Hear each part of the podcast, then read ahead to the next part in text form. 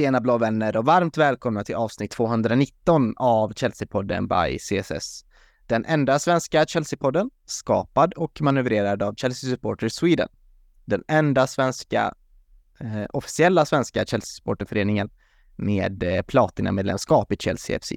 Ja, vi är ju en fin eh, Chelsea-familj här um, och en fin svensk blå Chelsea-familj. Det är ju också viktigt att poängtera och vi kommer, många utav oss kommer ju faktiskt träffas nu på onsdag då eh, kvinnorna då åker iväg till, eh, till Hissingen i Göteborg för att spela eh, Champions League då mot Häcken. En viktig match där eh, vi slåss om att bli gruppetta där över Häcken. Vi spelade ju 0-0 första matchen. Viktor kommer ge oss sin syn på den matchen här i dagens avsnitt, men det är ändå Eh, viktigt att poängtera det för er som bor i närheten utav Göteborg. Eh, kom gärna på samlingen då. Samlingen kommer ske på John Scotts på Avenyn i Göteborg redan eh, start 16.30 då.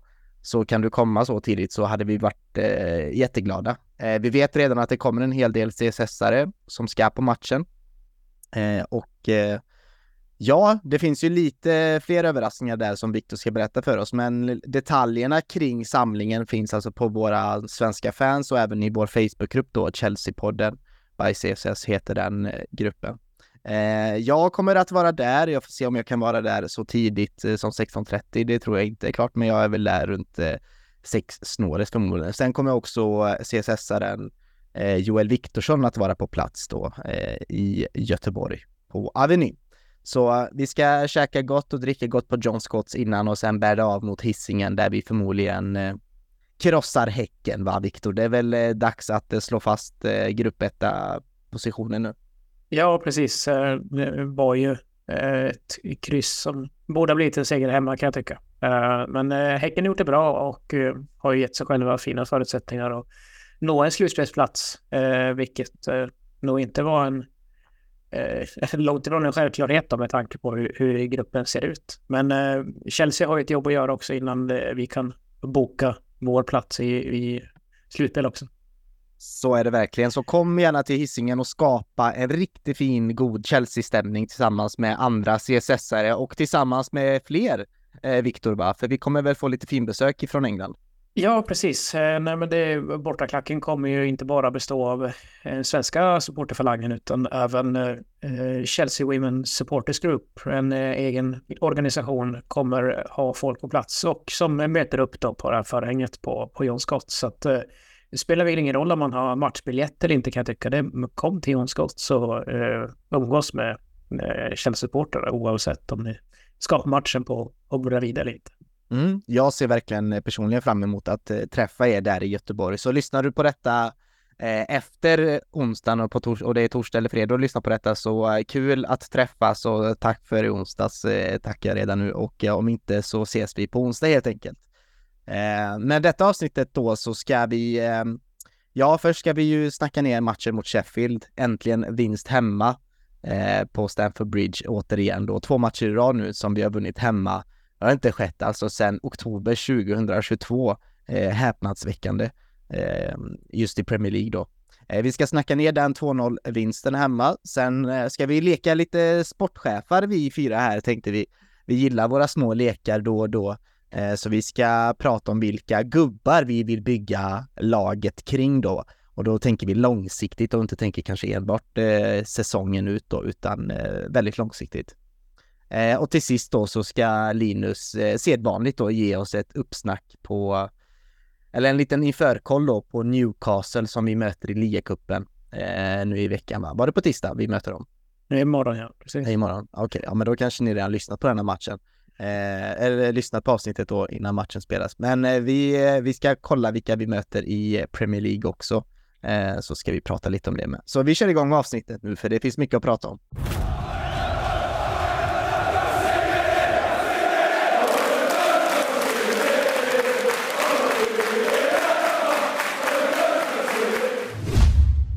Ja, just det. Vi spelar ju alltså på julafton, den här kända avsparkstiden som aldrig har hänt förut eh, när det gäller Chelsea i alla fall. Men det har väl aldrig hänt någonsin i Premier League va? Man spelar på julafton. Är det någon som vet det nu på, ja. på rakar? tror, det har inte hänt, jag, jag tror att det hände på 90, så sent som på 90-talet. Men det, det är över 20 år sedan i alla fall, garanterat, eh, som, som det har spelats mm. en match på den, eh, ja, eh, den 24 då. Eh, dagen före det stora julfirandet i England.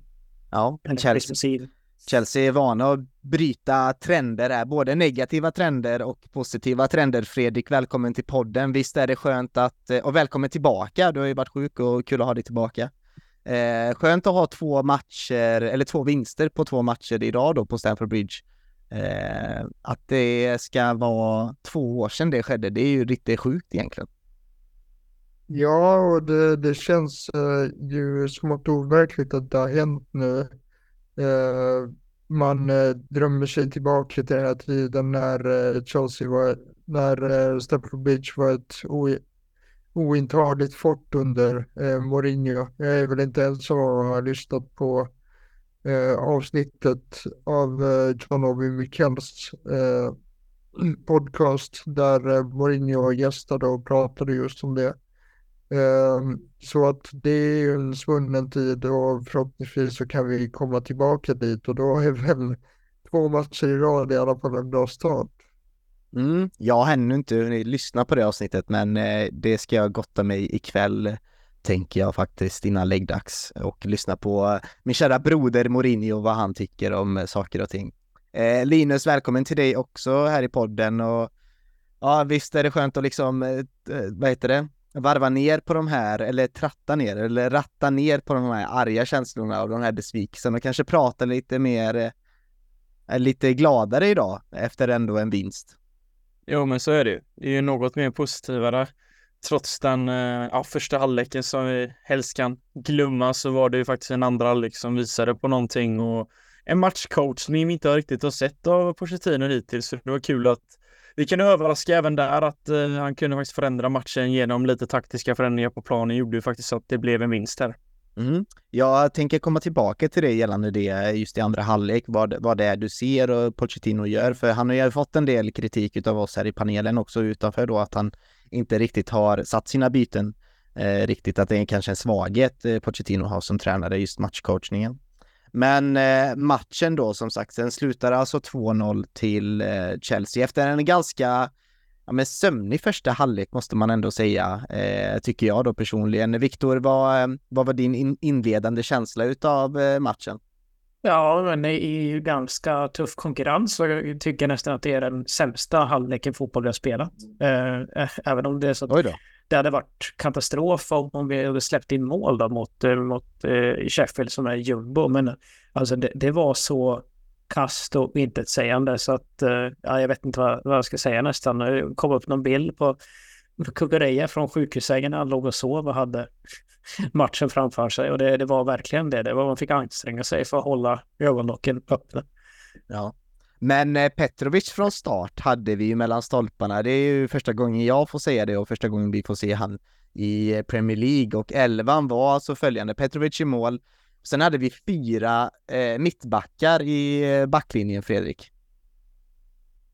Precis, det, det kändes ju mer som att eh, det skulle vara ett drag ifrån eh, Sheffield United, men eh, nu hade vi ju begränsade alternativ så då, då fick det bli så. Även om jag gärna hade sett eh, igen matchen då eh, från start till vänster. Men det verkar ju dels som att han är på väg ut och dels som att eh, Poch inte alls ser honom som en vänsterback. Tyvärr. Mm. Precis, då var, det var alltså Disasi, Thiago Silva, Badiashil och Levi Colwill som fick eh, komponera den backlinjen. Eh, sen hade vi de här två sexorna eller åttorna, vad man vill nu kalla dem, eh, Caicedo och Gallagher, eh, där Enzo då flyttas till eh, bänken, Linus. Eh, vad det är för vila tror du, eller tror vi lite det Pochettino, det Pochettino sa är närmare sanningen, att det var ett taktiskt beslut? Ja, men det var en blandning. Alltså, Enzo har ju matchats hårt och har ju spelat mycket matcher både för eh, Chelsea och Argentina. Vi vet ju hur viktig han är för båda lagen, men det var nog dags lite att, att han också fick vila. Jag tycker att Caicedo börjat smygas upp lite i nivån och börjat ta för sig mycket mer och den här matchen var han ju riktigt bra där inne. Och Gallagher är ju ett val nu som vi känner mer och mer blir, ja, första val ska in i den elvan utan diskussion och då blir det ju lite hur vi, om vi ska spela så vi tänker att Palmer ska ligga där bakom forwarden så blir det ju att en av dem får bli bänken och då blir det Enzo den här gången. Mm. Ja, på tal om Gallagher där, han hade riktigt fin match där tycker jag. Men vi går vidare på de tre där framme, eller de fyra där framme då. då Mudrik ute till vänster från start, Palmer som tia, eh, Sterling fick operera ut på höger och sen hade vi Jackson på topp, eh, Viktor och det här, det var min första head scratcher här lite att jag har varit en broja eh, vän nu och vi ser han från start eh, mycket och speciellt nu när vi har haft problem mot lag eh, med så här lågt block då så att säga, när de spelar väldigt lågt med sin linje. Eh, då känner jag väl att Broja har bättre egenskaper eh, som fotbollsspelare, som anfallare då, snarare än Nico Jackson. Men eh, Nico fick chansen från start. Ja, precis. Så jag, jag håller också Broja väldigt högt och kanske att det är en forward som har väldigt mycket av det vi letar efter. Alltså, det bor en stor spelare i honom, men eh, han har ju främst då fått eh, stå för inhopp den här säsongen och även nu i, i lördags. Men eh, jag, jag, tycker inte alls han har kommit till sin rätt egentligen i, i merparten av de minuterna. Så eh, jag förstår ändå, eller jag tycker det var ganska väntat att uh, Pochettino fortsätter att gå till Jackson som första val, även om hans prestationer absolut inte har rosat marknaden på, på slutet. Mm. Vi kan ju ta vid där lite där du, eh, för eh, Linus Viktor sa att det var en sömnig första halvlek. Eh. Nu är elvan presenterade här för oss. Tycker du att det var någon som hade någon dålig halvlek eller tyckte du att laget generellt hade en, en dålig halvlek? Nej, men det är alltså som sagt, det var inte det, det, var inte det roligaste fotboll vi bjöd på. Det var ju som vi har haft problem med tidigare säsonger, alltså bland annat Forest-matchen, Villa-matchen på hemmaplan. Alltså då, Ja, speciellt ja, Brentford också, alltså de ligger lågt. Och vi kan, alltså vi lyckas ju inte bända upp försvararen och det vet ju de motståndarna om och det är ju Ja men det är ganska skönt att spela försvarsspel då, när du bara kan ligga i dina block och du behöver inte röra dig så himla mycket för du ligger så kompakt och man vet att när Chelsea slår passningen så blir den oftast, ja men till motståndarna, någon kan nicka bort den eller så kommer den inte in bakom de här farliga ytorna. Mm. Och det som krävs då är ju liksom individuell skicklighet att ta sig förbi sin gubbe men det lyckas vi inte i första halvlek. Det blir ju liksom inte de här riktigt farliga lägena jag kände att nu blir det mål. Mm. Visst, det fanns tendenser, men eh, inte så att jag kände att nu kommer vi, vi kommer straffa dem. Nej, de låg grymt bra i försvaret och det visste jag för är det någonting Wilder kan, då är det nog fan alltså jobba i kollektiv och ja, kriga för klubbemblemet och verkligen eh, håll nollan först och sen därefter så får vi ta det matchen vidare och det gör ju de riktigt bra i första halvlek tycker jag, Sheffield och det, det trodde jag också att på förhand att det skulle bli tufft. Mm. Ja men eller hur, jag känner likadant mm. just på just inför matchen så stod det ju utan att förlåta för allt för negativt nu, då kändes det ju som att eh, en poäng låg i luften här. Ja, och det kändes ju lite klassiskt om Chelsea skulle få in 1-0 så kommer det en fast situation och de bara dunkar in den i 85 eller 90 där. Så det kändes ju liksom 1-0 var ju aldrig tryggt. Men därefter så såg man ju matchen led och eh, Sheffield har inte det, det självförtroendet i det offensiva spelet att riktigt hota. Mm. Jag tycker faktiskt de har ett försvarsspel som funkar men eh, resterande av laget, ja, de har ett, ett x antal skador också men ja, det är inget lag som riktigt hotade oss heller. Nej, precis. Ja, de ligger där de ligger. Det är, är inte en trupp som skriker Premier League-nivå. Det är det ju inte. Nej, och alltså visst, Championship är ju ett annat sätt och ett sånt här lag, det ser man ju verkligen, är ju nästan gjutet för en sån serie att ja, men att du ska försöka spika en och därefter får man satsa på kontringar eller ja, lyfta långt. Men i Premier League fungerar inte riktigt det spelet och det går mycket snabbare och de ytorna de får är inte mycket för Chelsea är ju där och direkt får tag i bollen och då blir det tufft för då ligger man ju lågt. Men som sagt, första halvlek ska de ha en eloge för det gör de riktigt bra. Mm. De hade en eh, väldigt uh, endimensionell uh, offensiv spelidé. Att det var i princip på knacka långt på McBurney och det hade de inte så mycket för med tanke på att vi hade fyra mittbackar på plan som ganska lätt kunde hantera det där. Det som enerverade mig under första halvleken var att jag tyckte att vi, vi spelade alldeles för lite direkt utan vi rullade bollen i sidled och då är det precis som Linus sa, då är det väldigt enkelt att spela försvarsspel.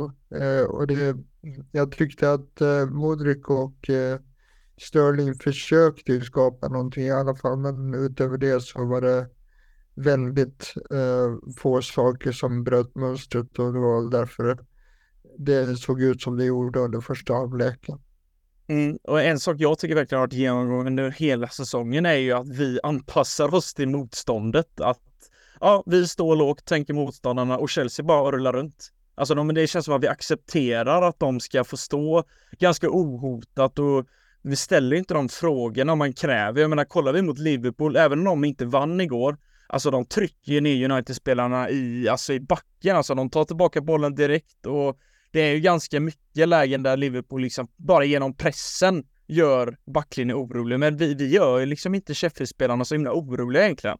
De tar närkamperna och så går de in 100% Men eh, rullar vi bara runt så kommer vi inte hända. Då har vi fullt, ja då, då, då har vi hamnat i fällan där de vill att vi ska vara. Men, bara... men Linus, tycker inte mm. du att det är någonting som så här, notabelt har blivit eh, sämre ju fler mm. omgångar vi har spelat? Alltså någonstans i försäsongen så såg man och jävlar vad de springer, jäklar vad de pressar. Det här kommer bli ett eh, roligt lag att titta på. Det kommer vara fullt ös. Vi kommer vinna 5-0 och vi kommer också förlora 4-3 liksom. Eh, kändes som in, innan säsongen drog igång då. Att, eh, och sen har det varit mycket snack om hans träningar och det här Gacko-testet eller vad det heter. Eh, men jag ser inte alls prov på den intensiteten som vi någonstans har blivit lovade. Ja, jag håller med dig. Och det som är lurigt med försäsong tycker jag alltid att det är sådana extrema ytor på planen. Spelarna får göra lite vad man vill och det kändes som att det passar ju Chelsea perfekt nu. När just ville ta bollen och sticka med till exempel Mydrik, fick ju stor yta. Men sen när ligan har dragit igång, det känns som att de här ytorna vi vill ha, de bara, ja, de stänger motståndarna till. Och då har ju inte vi någon plan B och det är där vi har kritiserat Pochettino ganska mycket hittills. Att hur ska han luckra upp det här försvaret? Och i många matcher har det ju inte blivit någon slags plan B som har lyckats. Det har ju nästan blivit värre oftast. Att ja, men det, det blir ju ännu värre. Det blir alltså, vi skapar inga lägen alls och då tänker man oftast i halvlek då som den här matchen blev ett väldigt bra exempel på hur det kan bli till det positiva. Men ofta har det blivit att matcher bara får fortgå i samma mönster. Det händer ingenting och så tar vi in spelare som gör det sämre än de som var inne innan. Att det blir bara samma saker. Så man, man, man, man tänker bara hur, eh, hur går reflektionen även bland spelarna? För jag menar, det är ju inte så himla roligt om man inte skapar lägen. Det är ju det som det handlar om. Man vill ju straffa motståndarna, men det har vi liksom i många matcher full, fa, fullit i den fällan. Fallit i den fällan. Jag vill bara fylla i lite det Linus säger om, om försäsongen, att det, det känns som att det är ganska ofta vi, vi nämner det i någon mån i, i avsnitten här nu på slutet, att vi refererar tillbaka till intryck därifrån och prestationer därifrån. Alltså det är ju en helt annan bäst än eh, SSL tävlingssäsongen drar igång. Det är väldigt svårt att dra några som helst slutsatser därifrån känner jag. Alltså det, det handlar ju mest bara om att komma i fysiskt skick någonstans. Även om vi såklart det, det är våran första eh, relation till Pochettino liksom, och hans, eh, eller det Chelsea som han får, får träna. Men just att ja, spelmönster eller hur en Kunko är eller Jackson eller Mudrik är, det, det är väldigt svårt att veta baserat på försäsongsmatcherna eh, kan jag känna. Det är som, nu har vi ändå en sample där, nu är vi i december, ja, eh, ja. kan man basera det på det. Men eh, som sagt, det, det men, men tror du att det kan ligga någon sån konko-grej över det? Att man oftast refererar tillbaka, att det såg bättre ut då, bara för att han spelade? Tror du att det är att man gör det misstaget? Jag kanske kan göra det lite i min, när jag sätter upp mina tankemönster kring, kring laget, att det är lätt att falla tillbaka på det. Bara jäklar vad anfallsspelet såg bra ut. Varför? Mm, okej, okay, missing piece, en konko. Ja, jag går på attack här mot, mot dig nu Patrik, för ja. personligen. Uh, nej, men det, det, är också så. Uh, en konko är en profilvärvning, så det är klart att uh, han var ju tilltänkt som den stora talismanen när han värvades in. Så det, det är klart att man konstant har det tankeexperimentet i huvudet. Vilken skillnad han skulle kunna göra på laget, särskilt när det, när det går runt. Man kan ju däremot tycka att det är ganska naivt att, uh, att man gör som Pochvaka har gjort, att man bygger hela offensiven kring en konkurs. Sen när han går sönder så finns det liksom ingenting att falla tillbaka på.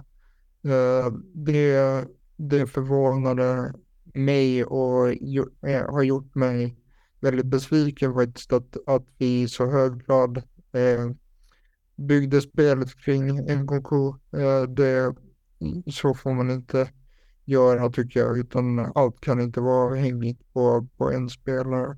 Nej, och jag tycker ändå på något sätt är vi, förlitar vi oss redan på en Kunko. Bara att den rollen eh, fylls av Cole Palmer för tillfället. Ja, alltså det- antalet man of the match-utmärkelser som han har samlat på sig under den här hösten är ju eh, enorm alltså. Det, han har ju bu- burit laget i må- långa stunder. Och, och en intressant tanke jag känner lite, alltså tänk, med tanke på början på säsongen, liksom, om Choupo-Moeka hade varit frisk Ja. och inte skadad. Vi vet inte, han kan, Hannes och jag känner det är en sån spelare som också kan gjort det lika bra som Palmer, om jag inte ska överdriva, för det han gör mot West Ham bland annat, han gör det målet och det kändes som helt plötsligt fick han ju, tog han ju, tog han ju ansvaret vi inte riktigt fick se förra året, att det faktiskt kan hända något. Den här slutprodukten har ju blivit lite bättre. Nu kommer han ju få börja om på kula 1 igen, eller kula 0. Att få liksom starta upp, få de här lilla inhoppen, men äh, bara leka med den tanken, undrar hur det har sett ut med honom och det är, lätt, det är ju lätt att säga och en Konko är också så här, det, vi vet, men det är också sån spelare jag tycker ska räknas in i den ekvationen när han är tillbaka också. Då har vi helt plötsligt tre ganska roliga alternativ som kan spela i samma position. Och förhoppningsvis går en Konko i bräschen och visar lite vad det är för nivå som gäller och så får de andra ta rygg lite. Men helt plötsligt så har man en alternativ. Men det, skadorna förföljer oss, men man ska ju inte heller skylla på det. Men det finns ju fin framtid där uppe tycker jag. Ja. Ja, utav de tre spelarna så ser jag ju minst två som startar varje match då en Kunko också kan Mm. spela som nia liksom. Om, eh, om Jackson inte har eh, det här målflytet han ändå har, även fast det ser torftigt ut och klantigt ut så har han ju ändå ett målflyt, eh, vår kära Jackson. Men Cole Palmer säger ni, visst köptes han efter en Kunko skada? Så det var en direkt eh, en sån här att, eh, ja, shit, nu har vi en Kunko skada, vi måste fylla ut den här rollen. Och det var väl då man var, Alltså sen var väl snacket med Palmer kanske redan tidigare, men vad jag vet så blev det... Det var känns som en eh, utveckling som skedde väldigt snabbt där i slutet av fönstret. Men Ja. jag, jag, kan inte säga säkert om en Kunko var out redan innan eller inte. Men, eh, Där- Eh, Eh, om det, om det nu är så att Palmer var substitutet för en Konko, om en Konko hade varit frisk då kanske vi inte hade haft Cole Palmer. Om det är den verkligheten som är sann så, så är jag ändå väldigt tacksam att det blev just Palmer som blev eh, den eh, spelaren. För Cole Palmer har alltså gjort mål och assist i tre eh, Premier League-matcher för Chelsea denna säsongen. Eh, och det är inte någon eh, spelare som har gjort det för oss någonsin innan. Eh, ja, Palmer är eh, helt otrolig. Och det är, det, det är väl han tillsammans med Sterling, Fredrik, som drar igång festen på Stamford Bridge lite mer i andra halvlek. Eh, jag vill kanske poängtera mest Palmer då, men det var ändå Sterling som eh, föranledde det till 1-0 målet.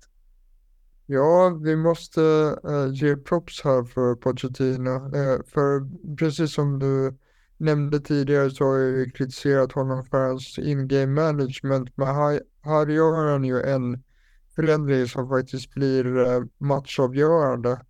Han eh, gör då så att eh, Sterling och eh, Palmer byter plats helt enkelt.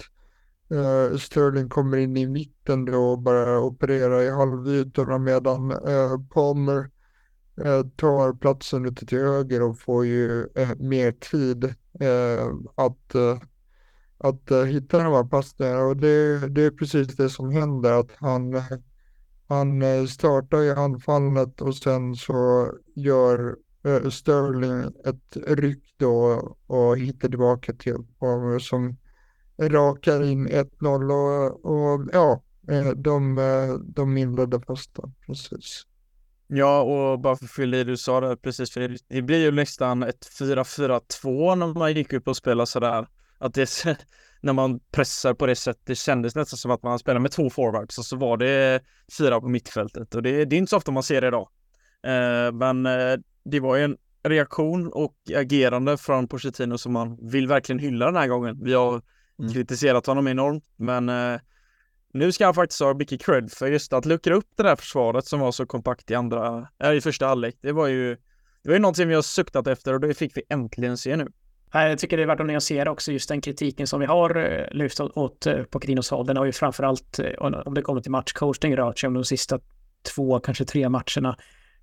I, i, tidigare har han väl inte behövt göra lika många eh, aktiva förändringar med att grundspelet har funkat bättre. Alltså just att vi har skapat chanser och, och släppt till relativt få chanser. Eh, men att Pochettinos eh, justeringar gör ju också att jag, jag tycker jag vet inte om jag, jag håller Palmer som matchens lirare i lördags, utan jag tycker att eh, Gallagher, Caicedo, Badiashil, alltså mm. jättemånga fina prestationer och samtidigt är det värt att lägga in den brasklappen att de ska fan skina mot Sheffield United. Det, det kan vi förvänta oss av. Ja, jag, jag håller med, men Gallagher vet jag att du gärna pratar varmt om Viktor. Det är ju, alltså när han vinner de här eh, en mot en duellerna på, på mittplan, alltså gud vad matchavgörande det är. Och framförallt för vår offensiva eh, fotboll, det offensiva spelet vi har, är så beroende över att vi vinner, eh, att vi vinner bollen i någon slags eh, uppspelsfas hos det andra laget, att vi bryter deras uppspelningsfas och eh, tar över kommandot. Där är ju vi som farligast, eller det är många fotbollslag som är som farligast i den, eh, Eh, just i den eh, situationen i en match. Eh, men där är han ju avgörande. Det är oftast han som vinner de bollarna. Ja, precis. Jag gillar den spaningen att på det sättet som man sa att eh, Jorginho liksom satte tempot i matchen med sitt liksom, eh, me nästan mekaniska passningsspel så liksom Gallagher sett tempot med sina bollvinster. Att eh, det, det, är någonstans, de jobbar eh, med lite andra olika verktyg. Eh, men eh, ja, Chelsea är ett mycket bättre lag när, när Conor Gallagher får liksom röra sig eh, fritt. För han, han liksom, eh, när han hittar den här rytmen då, då är det väldigt svårt att spela mot Chelsea. Ja, och stod ju eh, för en riktigt bra prestation här och, och eh, ni sätter fingret på, på just det som, eh, som var tydligt i statistiken också, att han gör alltså fem brytningar, vilket är, är flest eh, i laget och sen dessutom så lyckas han med eh, 98,9 procent av sina 87 passningar så han var ju väldigt bolltrygg också. Jag tycker att det, det är där eh, största utvecklingen har skett med Cole Palmer, att han är mycket mer vårdad i spelet med boll. Och eh, precis som ni säger så de här eh, eh, bollerövringarna på offensiv tredjedel är ovärderliga för vårt spel och det, det är tydligt i den här matchen också. Ja, vad gör det tydligt? Pratar du om Gallagher nu eller Palmer? Uh, Gallagher. Ja, okej. Okay. Ja. Mm. ja, nej men de, eh, just den symbiosen mellan de två har vi sett eh, prov på, eller ja, fina prov på i, i säsongsinledningen här och eh, ja, den, the missing piece här någonstans är ju ändå Enzo Fernandes för att eh, jag tyckte det såg bra ut när han kom in med, att man såg vilken jäkla skillnad det blev. Men eh, Caicedo valde Viktor att lyfta fram ändå Linus, men eh, Visst var Caicedo eh, bra den här matchen? Jag tycker nästan det här är en av hans, ja men det är nog den bästa han har gjort tycker jag, där man faktiskt ser här, hans roll, vilket jävla jobb han gör och vilka ytor han jobbar i. Och just att han täcker upp och ja men det är den här aggressiviteten fick han lite betalt för också. Att just de här bollvinsterna och passningarna, det var enkelt, det var inte så krångligt, han gjorde det enkelt för sig. Och det är nog så han får fortsätta ett tag innan han kanske kan ja, ge sig på lite svårare saker, för jag tycker att han så han spelar den här matchen. Vi har, det är så vi, det är varför vi har köpt honom också. Att mm. ha den här jobbiga som, mittfälten som springer otroligt mycket och kan vi få ihop honom med Enzo och så får vi se då vem det blir när Lavia kommer tillbaka också, hur, hur man tänker spela, för det blir ganska mycket alternativ där om ett litet tag när alla är fullt friska där. Eh, så jag tror att det är ju bara positivt att han äntligen börjar ja, tysta lite kritiker. Visst, han har en lång väg att vandra tack vare prislappen, för den kommer han ju få leva med och det vet vi att det är ganska många i den blå tröjan nu i dagsläget som får leva med en slags prislapp de måste prestera över, vilket är egentligen helt omöjligt för det är sådana hiskliga summor så det tycker jag man egentligen ska stirra sig lite bort ifrån, men eh, det kommer jag alltid leva med om. Men jag gillar hans eh, liksom återkomst lite, att det, mm. det börjar hända saker där nu och det, det är ju ingenting jag, man är förvånad över. Det var ju bara en tidsfråga i, i mina ögon.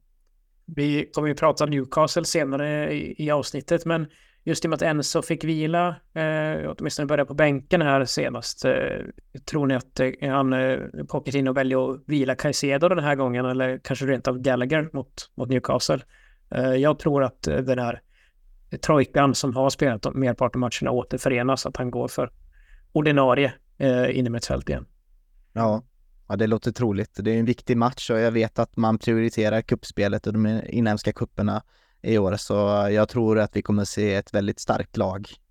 Eh, ja, något, an något annat tycker jag var, hade varit helt eh, hjärndött egentligen, för som du säger, det är ju kupperna vi måste gå för och det är ju liksom där vi kan skaffa oss en liten nerv på den här säsongen lite när det gäller och det är sådana här matcher då för att steppa upp och kliva fram. För jag menar, det är, det är en semifinal som står i pris och eh, Liverpool möter West Ham. West Ham är inte dåliga just nu så att det kan, kan bli intressant. För jag menar, det sen är det Everton och Fulham och så är det något, en match till jag inte riktigt har koll på vilken det är. Men det, det kan bli intressant vilka, om man går vidare då, för det är viktigt.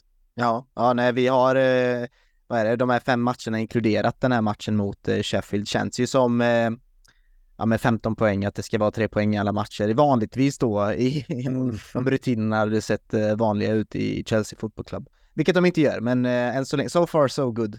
Jag vill eh. bara återkoppla lite till det här med Elsos bänkning. Det är faktiskt första gången i Premier League sedan han kom. Eh, det är alltså första gången han, han ställs över det startelva i ligan och det har ju bara skett två gånger totalt på på mindre eh, än ett år nu, vilket visar vilken betydelse och, och vilken markering eh, det var av eh, Pochettino. Men jag tror precis som ni att nu måste man gå eh, med starkast möjliga manskap här mot, mot Newcastle, för det är ju enda titelchanserna vi har. Och det vore ja. dumt att, att slarva bort den chansen vi har nu med eh, rotation.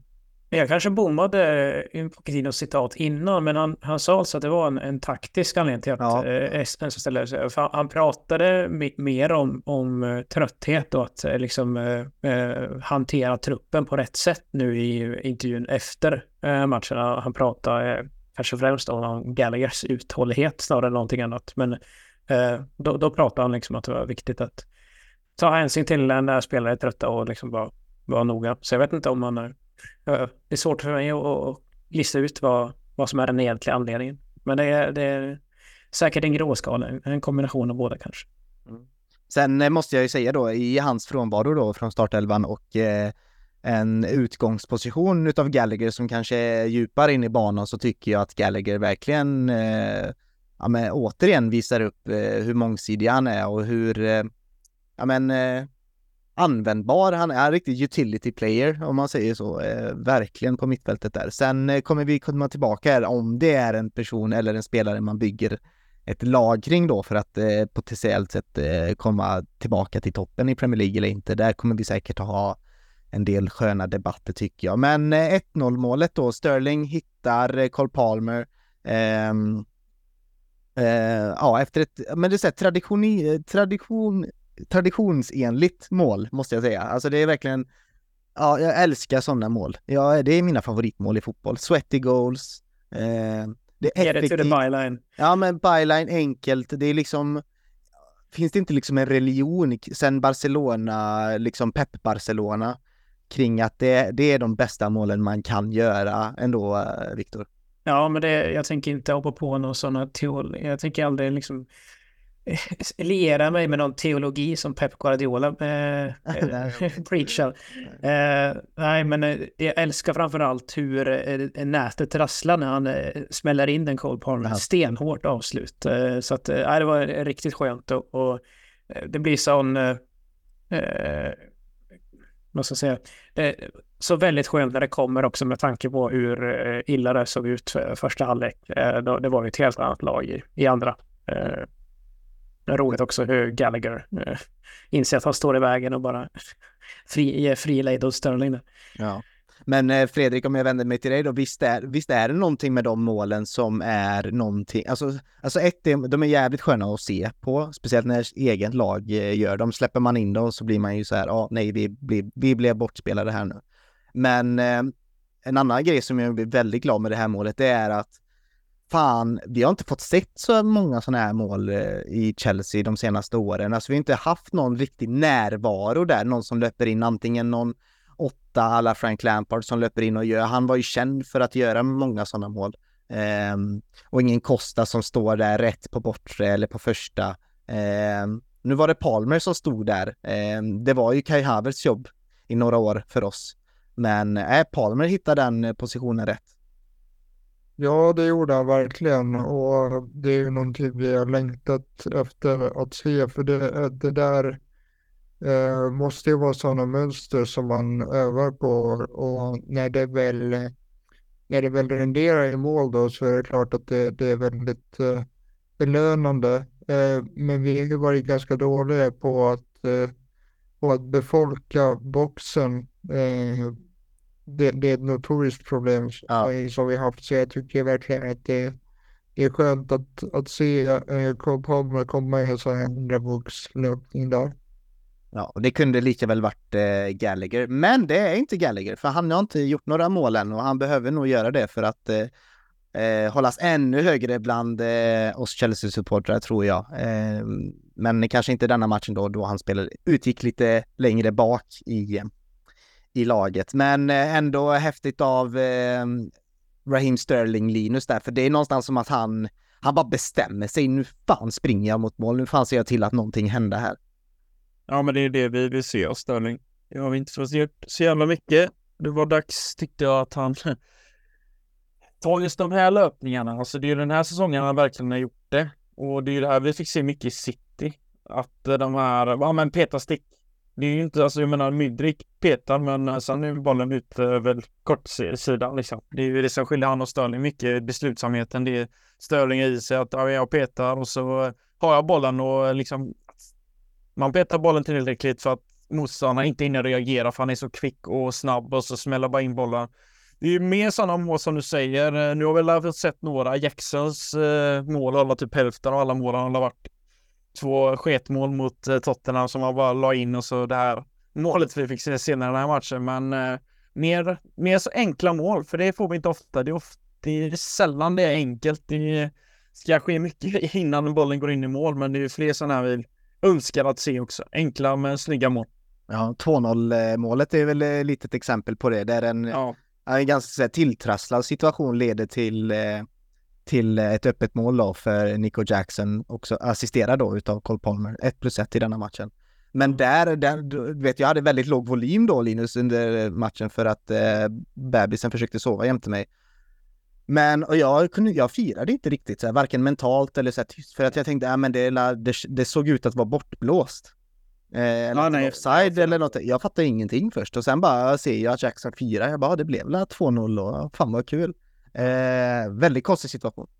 Ja, jag firar inte heller. Det jag kör tänkte bara, men det, någonting med det här är ju inte godkänt tänkte jag. Det var så mycket konstigt i det som hände. Jag tänkte, ska vi ha straff? För Störling följer där inne i straffområdet. Tänkte, ja men nu delar straff då, eller vad är det han dömer för? Så jag tänkte, ja men det är säkert offside. Man har ju de grundtankarna redan i huvudet. Fast bollen i mål hade vi ja, inte haft vasan och tänkte, ja men nu är det mål för bollen gick gick i nät, men ja, det är som du säger, den här målkänslan är ju svårare att få i dagens fotboll och det var åter ett exempel på att man inte riktigt firade till 100% vilket man hatar efteråt. Att man Mm. inte tog vara på chansen när väl är mål. Ja, det är riktigt dåligt agerat av Sheffield Uniteds keeper. Okej, det är lite konstig bollbana som kanske ändrar riktning på slutet, men eh, Fodringham heter han väl. Eh, och ja, vi, vi gillar kanske att trycka ner Jackson lite extra och eh, jag håller med liksom att spelet är eh, långt från där det ska vara och han, ja, vad är det, eh, ett par, tre, fyra mål nu som han stöter in precis på mållinjen i stort sett. Eh, men eh, han är ju där i alla fall och, och får peta in den. Det, vi behöver någon som eh, är vid änden på de, de passningarna helt enkelt. Visst är, det, ja, visst är det här målet lite likt det John Terry gjorde en gång? Du vet den som var så uppenbar offside. Hade det varit VAR så hade inte John Terry fått in den bollen. Men du vet när det klackas och hålls på och Ja. det är jävligt Ja. likt det målet. Jag tänkte också på det här riktiga champagnefotbollmålet, jag tror jag mot Bolton 2010, eh, när Deko bröstar en Lampard klackar den, Ja. eh, drog bara, eh, drar in Ja. på volley. Okej. Eh, Ja, det var den jag syftade på kanske. Men det var någon... Där är offside. ja, det är offside. garanterat Det var jag syftade på. Offside. Eh, för eh, Gallagher trodde jag absolut var offside i den här situationen. Är det väl som eh, li, lite så Badiashil-likt, eller vad man ska säga. Ja. Ha, hakar den över, över sig själv. Ja, den, den scorpion kick mottagningen var av Badiashil den här matchen var, den var fin. var riktigt fin. Men någonting jag gillar med alltså hur målet börjar, det är lite det här, jag om ni spolar tillbaka och ser om ni kan se andra målet igen i repris där, så kolla gärna hur Gallagher och Mudrik eh, ja, men sätter igång anfallet mer eller mindre med ett fint eh, väggpassspel. Alltså det där är ju Ja, det, man saknar, för vi klagar mycket att första halvlek var, ja men det var stillastående, det var mycket, det var liksom en passning och sen mottagning och sen kanske ta, rör man bollen en gång till och sen en passning. Eh, vi har ju fått sett det mycket av Chelsea den här säsongen, men eh, här var det total motsatsen. Det var fartfyllt, det var framåt och Modric, eh, som vi inte har pratat om någonting i den här matchen, eh, tycker jag också gör en ganska, eh, ja men helt okej insats ändå. Väldigt svårt mot ett sådär lågt ställt eh, försvar ändå, Fredrik. Ja, han eh, gör ju en, eh, en ganska bra match och han var ju en av få som försökte få saker att hända. Men han, eh, han hade en ganska svår matchbild med tanke på att han eh, fick ju noll understöd av, eh, av Colwell i överlapp så han, han hamnar ju ofta i, i två mot en och, och, och löste de situationerna ganska bra. Men sen är det också som det är med Modric att det är väldigt hög felprocent på hans äh, aktioner också. Men äh, ja, en, eh, en helt eh, habil insats av honom i alla fall och kul att se att han eh, vågar sig på saker även om det inte, inte ger utdelning alla gånger. Jag hoppas att vi snart får se en utveckling där hans slutprodukt blir bättre för det är en klar brist hos honom och, och får han bara touchen och som sagt slutprodukten på plats så har vi en riktigt bra spelare där. Hoppas att vi får se den utvecklingen snart. Mm. Nej men kolla, spola tillbaka till oss så ser ni faktiskt att alla de här fem vi pratar om då, eh, Jackson, Gallagher, Sterling, eh, vem blir det Palmer. med? Palmer och, eh, var det fem? Ja det var fem va? Eh, alla de är involverade i detta målet på något sätt och det är det, det, det som är nice med målet, att det kändes som ett riktigt lagmål, även fast det var väldigt tilltrasslat och såg lite stökigt ut. Så, eh, så blev det 2-0 i alla fall. Och eh, ja, alltså sen eh, avtar väl matchen en, en del, men fortfarande lite hot framåt. Eh, matchen byts in eh, och Ja, vi måste väl ändå prata om eh, snubben mellan stolparna som håller nollan ändå, Viktor. För Petrovic fick ju chansen nu med en skadad Sanchez. Nu vet jag inte hur länge Sanchez blir borta. Har du någon aning om hur, eh, hur länge han blir borta? Ja, enligt den här väldigt uh, kryptiska och intetsägande uppdateringen på klubbens sajt så mm. uh, håller han fortfarande på och bedöms då av specialister. Uh, men det var, var väl en, en känning i knät. så att det kan ju vara gå, gå fort eller så kan det ta väldigt lång tid, eh, väl känslan. Eh, nej, men det var eh, två målvaktsdebutanter också, Hanna Hampton på damsidan där som eh, fick eh, hålla nollan, eller eh, debutanter från start rättare sagt. Eh, så det är trevligt. Mot Bristol eller? Ja, precis. Eh, och eh, ja, men det, det, var ju lite tråkigt det inhoppet han fick göra eh, senast, eh, Petrovic, och släppa in mål nästan. Eh, med en gång där också. Eh, så att, nej men det såg ju habil ut eh, kan jag tycka, även om man inte sättes på, på allt för stora prov. Ett skott på mål från, från Sheffield. Mm. Fredrik, har du några, för det var någonting som enligt statistiken som gjorde att han hade en väldigt hög passningsprocent eh, eh, jämfört med Sanchez. Sen är det ju en helt annan matchbild än vad Sanchez har ställt sig mot. Det eh, Sheffield pressar ju oss inte alls när vi spelar upp den från eh, från målvakt. Men eh, jag tyckte det ändå kändes ganska lugnt med, med Petrovic i mål. Absolut, jag tyckte han var stabil eh, även om han hade väldigt lite att göra så eh, gör han det som ska göras och eh, såg ju bolltrygg ut också. Även om eh, eh, det var väldigt lite press då så vi får se hur, eh, hur han eh, fortsätter spela i, i kommande matcher här. Det, det sägs ju att, eh, att eh, han har väldigt stark tro på att han eh, kommer kunna bli eh, Chelseas nummer ett. Så att eh, det är upp till bevis nu och det ska bli spännande att, att se honom här nu för vi, vi har ju fått gråa hår av, av, eh, Sanchez misstag inte minst eh, med, med bollen. Så att eh, det är upp till bevis för Georgi Petro Petrovic nu.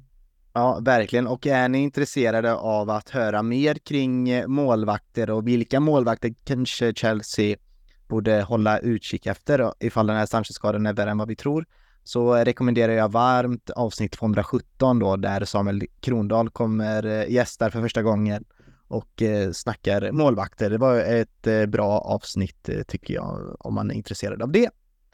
Men ska vi stänga matchen där hörni, för det är ändå 2-0 planenligt egentligen.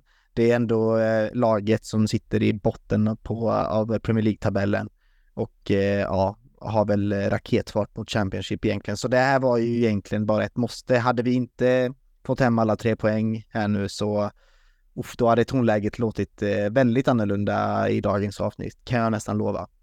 Är det någon, är det några slutord kring matchen Linus? Ska vi eh, kolla med dig? Har du något att säga? Nej, jag tänker främst tre poäng, men eh, dags att gå vidare direkt. Det här är ingenting vi ska stirra oss blind på att vi tog tre poäng mot Sheffield. Verkligen. Ja. Alltså det, ja det säger ju inte så mycket egentligen, eh, men eh, tre poäng är alltid tre poäng och som du säger, det är andra raka på Stafford Bridge och eh, nu har vi Wolves på julafton. Eh, om inte, det ska ju egentligen vara julefrid tycker jag om man ska må bra över jul. Eh, det kan ju givetvis bli bra, men eh, det är ju en match som kan förstöra resten av den julaftonen där, för det kan jag nog skriva under på att jag mitt humör kommer styras mycket utifrån hur det slutar. Så att, ja, det är mycket vi kan se fram emot. Mm. Jag tror inte du är ensam Linus om det. Vi, vi är fler nog som känner likadant. Ja, det är bra. Ja. Men eh, ja, då går vi vidare då innan vi snackar upp Newcastle och lite Wolves då så tycker jag vi eh, ska leka sportchefar. Så det gör vi i del två.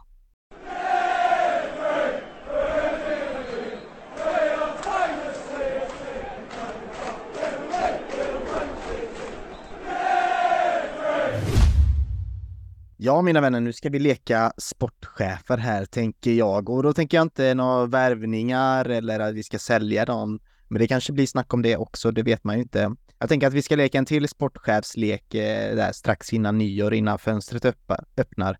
Så eh, ska vi se vad vi kan hitta i våran önskelåda till januari. Om vi ens behöver någon eh, ny spelare till januari. Men det ska vi inte göra här, utan idag ska vi eh, fundera vilka spelare i vår nuvarande trupp då, eh, skadade eller inte skadade, det spelar egentligen ingen roll, utan man bara sett till namnet och vad vi vet om spelarna och vad vi har sett av spelarna. Vilka utav de här eh, spelarna vill vi bygga laget kring? Vilka vill vi ska bli stommen i laget? Eh, lite stommen kanske liksom Check, Terry, Lampard, Drogba. Stommen var ju känd för oss eh, Chelsea-fans i många år och är fortfarande är det och liksom mytomspunnen eh, också på något sätt. Eh, vi måste ju bygga en ny sån stomme. Sen behöver inte den stommen vara enbart vertikal på plan från målvakt upp till topp. Eh, den kan se ut lite hur som helst. Eh, men vilka spelare vill vi, ja, ska vara alltid med? Där vi gjorde något liknande, vilka vi alltid vill ha från start. Men då tänkte jag kanske lite mer på eh, den här säsongen. Vilka måste liksom starta varje match? Nu tänker jag mer långsiktigt och det här projektet som vi ska kamma hem då. Eh, då tror jag det finns en hel del spelare i truppen som är ja, replaceable och vissa som absolut inte är det.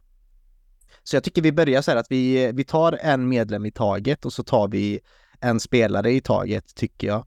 Eh, och så tar vi det därifrån helt enkelt. Så Linus, eh, vill du börja? Ja, men det kan jag. Ja. Uh, om jag skulle få välja en, alltså utifrån hur det ser ut, alltså hur han presterar så är Palmer ganska given i den här ekvationen. Mm. Och uh, alltså det är lite hur vi plockar honom och att han lämnar City på det sättet och givetvis att prislappen inte var så dyr gör ju ännu mer att affären blir ett slags rån. Men uh, ja, det är en spelare jag ser mycket talang i och vi ser att han gör ju en hel del bra saker med bollen och Tänk när han får spelare runt omkring sig som kommer funka lika bra som han gör i det här. Så tror jag att vi kommer växa flera dimensioner och kommer definitivt vara med och ja, titulera om de, mest, de flesta titlarna vi är med och tävlar i. Så jag tror att han är en viktig kugge för framtiden.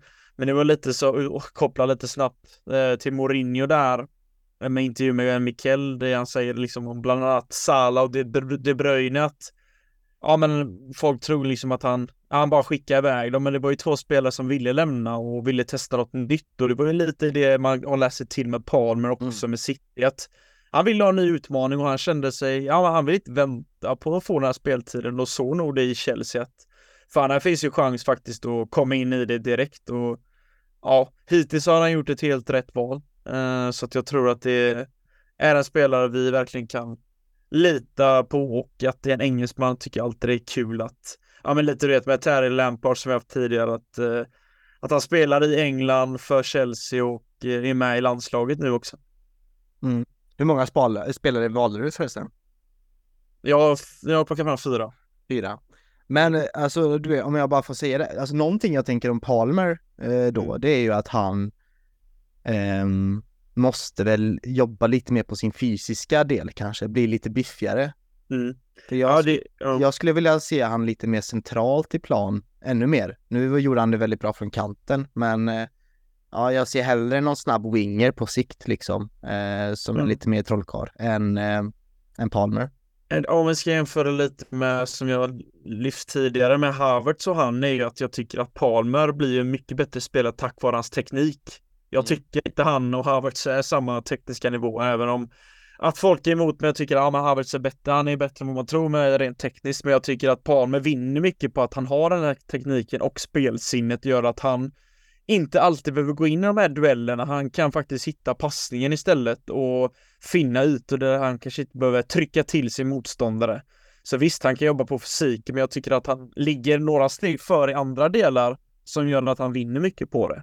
Mm. Sen visst, några kilo kommer inte skada, men jag tycker att han har skaffat sig kvaliteter för att undgå det lite för det finns ju flera spelare, långa och aviga spelare tidigare Premier League som har levererat på en hög nivå trots att man inte är så fysiskt stark.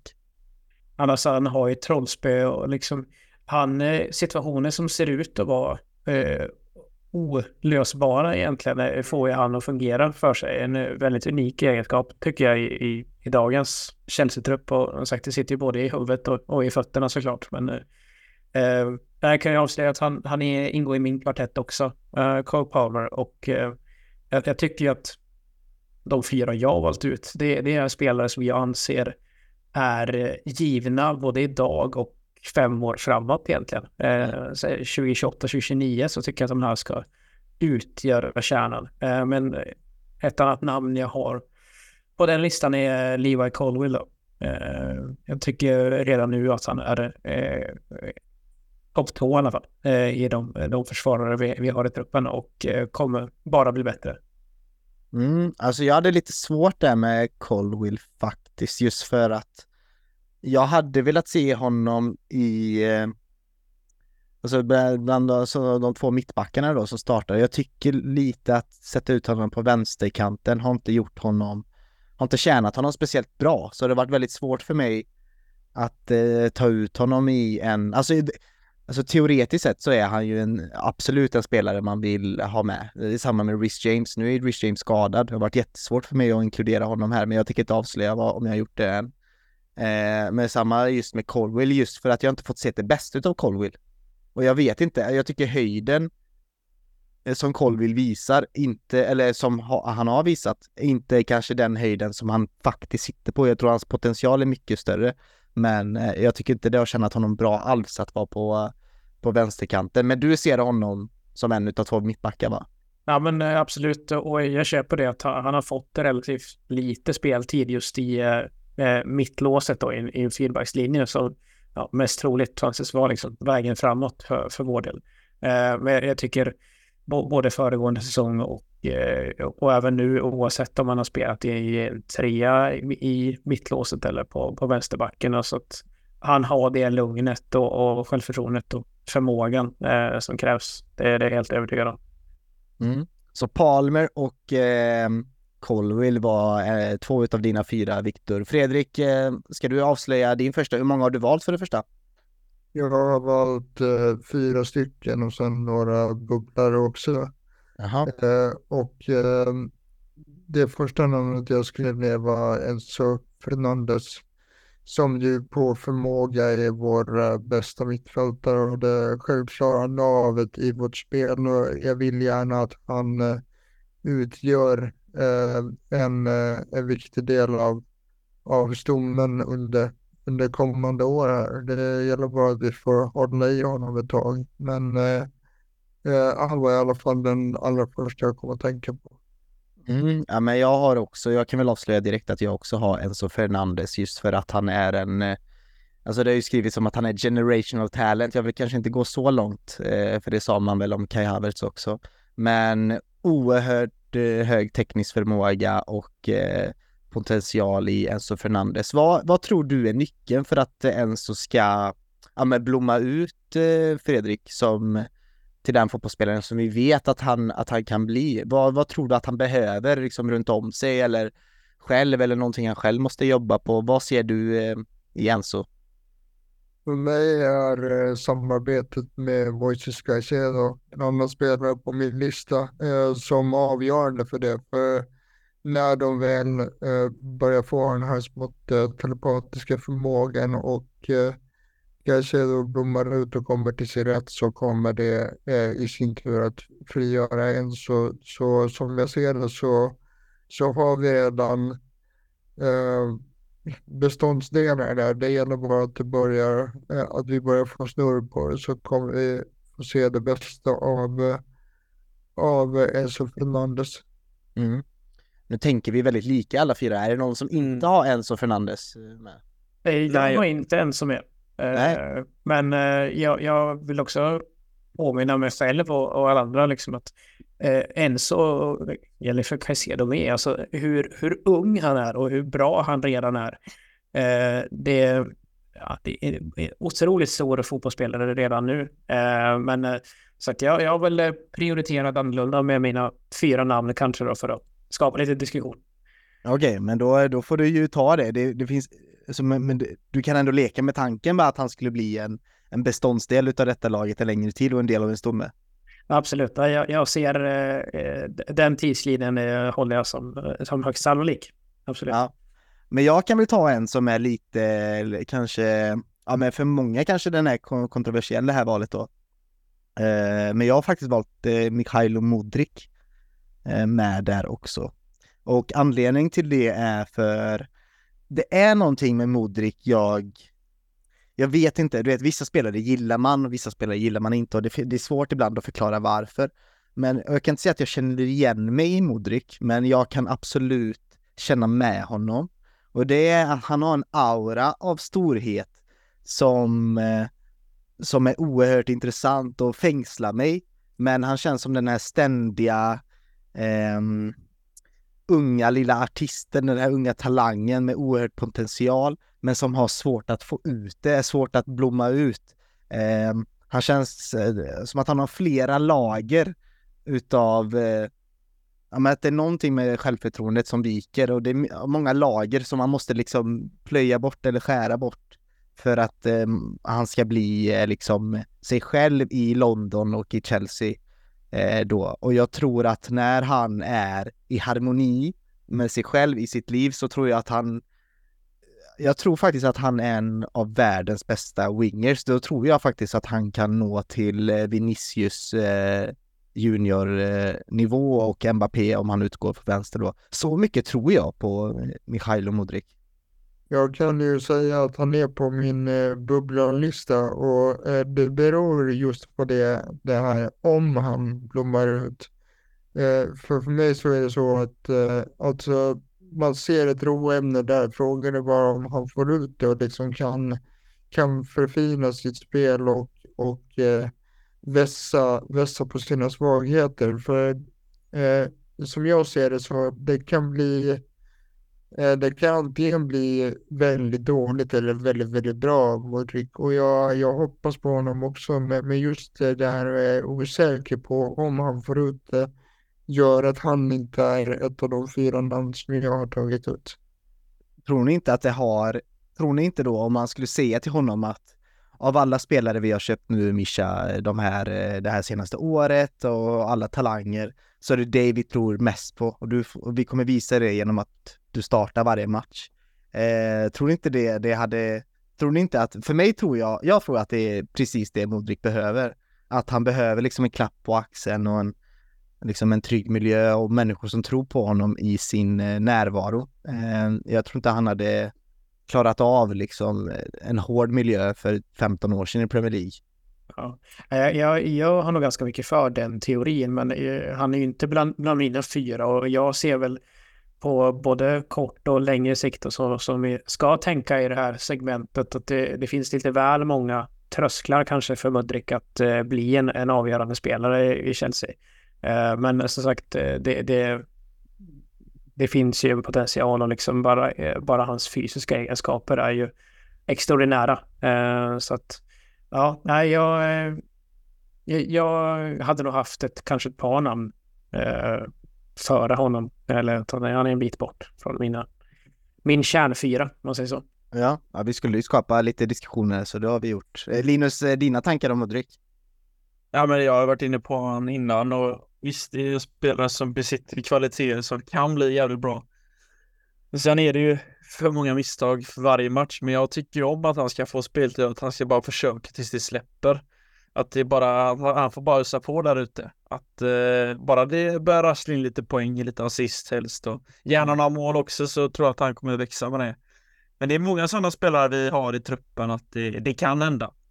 Frågan är om det händer. Det, det, det är ju det som är spännande med det här projektet som vi pratar om varje avsnitt. Eh, att det finns så mycket talang. Det är bara frågan om vi kommer få ut det maximala. Det lär man inte få på varje spelare, men det är en spelare vi verkligen vill att det ska gå bra för. Det känns som att eh, alla vill honom väl och det är därför också man kanske kritiserar honom bara för man bryr sig om honom så mycket som man gör. Ja, säkert. Vill du, eh, vill du hur många hade du kvar Linus? Jag, alltså det är som Fredrik, man har ju bubblare va, men eh, jag tog ju, jag nämnde inte det förut, men jag är liksom så här som, de sitter nästan ihop, det är Enzo och Caicedo, men jag tycker vi har berört dem tillräckligt mycket för att, eh, ja, jag känner mig, ja men det, de har vi diskuterat tillräckligt. Och sen har jag varit inne på Colville, men samtidigt så tycker jag om vi pratar alltså femårsperiod att bygga en stomme på, får han vara skadefri så tycker jag en av de här som man kan verkligen ja, men, finna ett lag kring, det är ju en Koko i mina ögon. Ja, det Visst, har jag glömt det. Ja. Det är inte en plan, det är ingen spelare som är här kanske om tio år. Då lär kanske han kastat av skorna eller så spelar han på någon lägre nivå, men lite som vi plockade in Silva. Han blev ju, han forslades ju in i en position där han helt plötsligt var en av de som var stommen. Mm. Och trots att han varit i den här klubben så kort tid så är var ju liksom, ah, Silva är legend och du vet efter Champions League-guld eller Champions League-trofén där så har det blivit lite att ja, men han, han eh, startar ju för att han är lite stommen och har den här rutinen. Och varför ska inte en, eh, en Koko som är 25-26 år, för 97 har jag för mig. Varför ska inte han kunna bli en spelare i det offensiva som vi kan lita på i ett x antal år framöver? Det, jag tycker, det är, alltså, är jättebra shout faktiskt. Uh, så jag tycker, får han hålla sig skadefri så är det en av dem vi kan bygga. För jag menar innan så hade vi Terry i försvaret, Lär på mittfältet, Drogba där uppe. Och därefter så skulle det fyllas på spelare kring och även spelare som skulle ta efter. Och vi vet ju att en Kunko kan spela både bakom och i forwardsrollen och ja, även en kant om det skulle vara så med sin speed. Så jag tycker att eh, det är en spelare vi måste ändå tänka in oss i framtidsplaner inom femårsperioden i alla fall. Han är inte lastgammal på något sätt. Nej. Nej, precis. Han är ju 26 så ja. jag har honom på, på min lista också för jag ser att han kan bli vår eh, kronjuvel offensivt. Eh, att han liksom eh, sätter pricken över i och är den här X-spelaren som vi har pratat väldigt mycket om. Eh, jag ser en så pass hög höjd i honom både nu och, och framöver att eh, för mig så är jag given på, på den här listan. Ja, och jag vill bara fylla i snabbt det jag sa att det som skrämmer en eh, när jag pratar, liksom, när jag själv hör mig prata är ju liksom att här sitter man och säger att 26 år är det att det, det ska vara en tveksamhet. Jag menar en forward, alltså spelare är ungefär alltså på toppen av sin karriär mellan 28 och 31. Det, det är väl bara bevis det... att du har blivit en riktig Chelsea-sportchef va? Du tänker... Ja, tyvärr. Att jag har blivit så jädra in, ja, alltså bara blivit så nötad av det här sättet vi har fungerat på de sista åren. För när, ja, det är ju absurt liksom. Det, vi tänker ju bara att det ska vara spelare som är 19-20 som ska vara framtiden, men eh, att värva in en 25-26-åringar, det är ju liksom eh, både nutid och framtid. Ja. Så det, man har ju, där har man ju blivit skadad tack vare sättet vi jobbar med. Säger inte att det inte är dåligt att ta in yngre spelare, men eh, en äldre hade inte skadat heller. men vi, vi, samtidigt är det väl, alltså visst är det svårt ändå att eh, vi vet ju vad en Kunko går för, du vet, i, i Leipzig och sådär, men visst är det svårt ändå att eh, sätta in honom på listan. Det, var väldigt svårt för mig i alla fall, just för att vi har inte riktigt fått se honom än, riktigt heller. Eh, det kan ju bli en Werner-historia av det hela, det vet vi inte. Nej, det är modigt av Linus eh, att sticka varandra, även om man liksom har sett honom på de, den största scener i, i Champions också. Eh. Ja, jag är inte särskilt orolig för att han skulle bli en, en ny Werner därför att för mig så är det så uppenbart att eh, Nkunku är en mycket bättre fotbollsspelare rent tekniskt än vad Werner någonsin har varit. Eh, så den här eh, Bundesliga PTSD som man haft eh, känner jag inte riktigt när det gäller. Nej, inte lika begränsad eller. Han har ju Nej, fler kvaliteter. Det är ju det som gör det. Han har breddat registret är ju så mycket bredare än vad Werner var. Det var ju Peter Stick. Hoppas att... att Precis, och, och, och grundtekniken är där liksom, så jag, jag är inte, inte orolig för det. Och han är, och han är fransman också. Det går bra för fransmän i, i Chelsea oftast ändå. Det måste man ju, ja. Nu gäller det att köpa ballonger som in i helvete för det ska blåsas upp. ja, jag tror det är fyllt på arenan redan. De sitter där och har köpt upp allt i London. Vill ha helium i dem. Ja.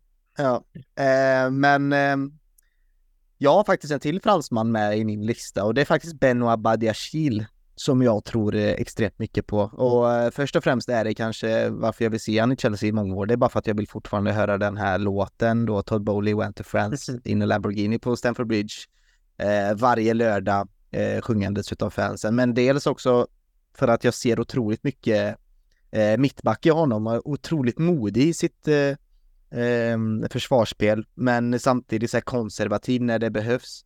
Eh, ja, förhoppningsvis har han ju lärt sig en hel del utav Thiago Silva Av de, de minuterna de har hunnit spela med varandra, även fast Badiashil har varit skadad. Så jag tror stenhårt på Badiashil. Bra i luften, jäkligt fin vänsterfot. Eh, och då, det stod ju lite mellan han och Colwill där, eh, Viktor för mig, men det är inte så jäkla konstigt att spela med två eh, vänsterfotade mittbackar eller? Det är, det är inte så att jag har sett det innan men tanken, eh, eller jag menar det, det är ju en framtid som eh, likväl skulle kunna ske för oss eh, om det är de två backarna vi, vi väljer att gå för. Absolut, det får vi se till att normalisera, gå i bräschen där. Eh, nej men eh, jag älskar Badiashil. Eh, han är så himla cool. Alltså det är ingenting som kan få honom att bli stressad. Eh, och jag tycker att nu, nu har det varit lite, lite upp och ner med prestationerna sen, sen comebacken från skada, men eh, nu i helgen så fick vi ju se den Badiashil vi såg förra säsongen. Eh, där han var eh, absolut eh, en, en av de eh, bästa försvararna i, i Chelsea och kanske, jag vill rent av säga ligan alltså. Han är, eh, han har tempo i kroppen, stark i djupled, bra i luften, kan läsa situationer, bra fötter. Som du säger, en, en modig med, Mm. med bollen eh, i, i sitt bollinnehav också. Han eh, värderar situationen på ett extremt bra sätt. Eh, jag tycker det, det är såklart alla fotbollsspelare var bra av att spela bredvid Thiago Silva, men där har vi en mittback som jag inte tycker liksom måste sit, ha Silva som barnvakt. Han, han klarar sig utomordentligt på egen hand. Eh, det, jag, jag gillar den shout. Ja, och jag tycker han, han känns lite mer trygg än Colwell just nu, men eh, nu har jag bedömt Colwell när han har startat som vänsterback då. Förhoppningsvis så kanske vi får se de två som mittbackspar. Vi kommer ju säkert se det med start av nästa säsong då. Eh, om inte Disasi slår in sig där. Eh, men Disasi kommer vara en bra backup för oss, om inte annat. Eh, men är det någon mer där? Vi har, alltså det finns några namn här som notabelt inte finns med här. Är, ni- är ni klara än? Eh, Jag tror Viktor, du har en kvar va? Ja, eh, jag har Conor Gallagher i min fyra. Ja, det, Eh, jag, där jag, kom den. Ja. Eh, och Badiashil var den, den fjärde hos Ja. mig då. Eh, så att, nej men Conor Gallagher eh, älskar allting som han, han står för och vad han bidrar till Chelsea i dagsläget. Jag tycker att alla mästarlag har spelare av eh, Conor Gallaghers karaktär liksom och vad han bidrar med. Vi, vi testade liksom eh, Massakar 2013 liksom med, med bara eh, trollerigubbar som skulle ha bollen på fot eh, allihopa. Eh, och eh, ja, egentligen var det väl kanske Oscar i slutändan som blev en eh, motsvarighet till Gallagher kanske, eh, den perioden Mm. som fick ta det här ansvaret utan boll. Eh, men nej, jag tycker att han är väldigt nära att liksom eh, sy ihop hela paketet eh, och eh, ha åldern rätt inne. Har spelat i Chelsea och sex år gammal. Det, det skadar ju inte när man ska tas ut i en sån här kvartett eh, och när det, är, när det är jag som står för sportcheferiet. Så att eh, nej, eh, han är med i mitt fyra. Mm. Där eh, tror jag, där kan de kanske skapa lite diskussion, för jag har ju inte det. Och jag har ju varit väldigt eh, positiv till Gallagher och hans höst nu eh, i, i podden framförallt och internt bland oss och bland andra Chelsea-fans. Eh, men för mig är det att han inte gör tillräckligt med poäng och jag vet att det kan låta väldigt hårt och sådär men jag, som jag skrev till dig någon gång Viktor, att det är alltså om, om det är så att han är kanske bara den ljusaste punkten just nu när det ändå finns ett mörker kring, kring klubben och kring laget och sättet vi spelar så betyder inte det för mig per automatik att han även kommer vara den en av de ljusaste punkterna i ett väl fungerande lag, eh, om du säger så, om man, om man frågar mig. Mm. Och, sen, och sen är det liksom, om, man, om, man, om jag jämför han då med andra spelare, och då, då, då tänker jag så här, då tänker jag att de andra, att alla realiserar den potentialen som jag som supporter och med min begränsade fotbollskunskap ser så tycker jag att både Chukwemeka, Lavia, Enzo och Caicedo eh, Lavia är väl en stor parentes för jag vet inte så mycket om Romeo Lavia än, men i alla fall Chukwemeka, Enzo och Caicedo tycker jag då gör ju Chelsea till ett bättre lag. Så. Sen uppskattar jag verkligen det Conor Gallagher ger till laget. Eh, lite, lite som du sa att alla mästarlag har någon typ av en Gallagher-spelare och då tänkte jag, min första spelare jag kom att tänka på var ju Jordan Henderson en, en lite en sån ben, benknäckarspelare som visar ledarskap och skriker och så. Men Henderson kunde i alla fall göra mål. Jag tar eh. rygg på dig där eh, Patrik. Eh, han gör ju helt enkelt för lite poäng. Det är bara tre mål och fem assist på 64 matcher och det, det funkar inte riktigt. Eh, och alltså han är en, en nyckelspelare nu Eh, och är ju tillsammans med eh, Cole Palmer eh, de bäst presterande mittfältarna just nu. Men jag tror precis som du att när, Eh, när man väger in potentialen och alla spelare på förmåga så ska eh, eh Conor Gallagher, eh, inte för mig i alla fall, vara en, en nyckelspelare. Han kommer absolut kunna liksom vara en var en eh, viktig squadplayer och sådär. Men, men jag, jag håller eh, Enzo Caicedo eh, mycket högre och Carl Palmer där också om man ska väga in honom i, i den diskussionen. Så även, även om, om eh, Gallagher utvecklas nu och är väldigt viktig för vårt spel idag så, så är jag ganska långt ifrån min lista faktiskt. Ja, och säg, säg, att vi också går och handlar en ny nia, eh, vilket säkert eh, kommer ske. Om det inte sker nu i januari så kommer det förmodligen ske till sommaren. Ehm, då betyder det ju att en Konko inte nödvändigtvis kommer starta som striker för oss, utan förmodligen som en eh, släpande striker eller tia. Ehm, och då har vi ju Palmer, en Konko eh, och säkert Modric då på vänsterkanten och sen den här nya nian då längst fram. Och då blir det helt plötsligt bara två platser över. Ehm, och då, ja, då menar du på Viktor att Gallagher ska ha en av de två positionerna långsiktigt? Absolut, och eh, sagt hade jag varit sportchef så hade jag inte haft det här problemet att vi har 40 pers på träningarna, eh, vilket vi kommer ha när alla är, är tillgängliga. ja. eh, nej, men jag hör vad ni säger att det, det kan vara liksom lite eh, anor av eh, Williams 15-16 säsong, att en enda ljuspunkten i ett annat som är kungsblått helvete. Eh, men eh, Gallagher har de målen i sig. Eh, han fortsätter att liksom mejsla ut sin roll. Gjorde åtta Premier League-mål för, för Crystal Palace under en och samma säsong. Så att han kommer pussla ihop hela kittet. För jag är, jag är övertygad om att han har alla verktyg.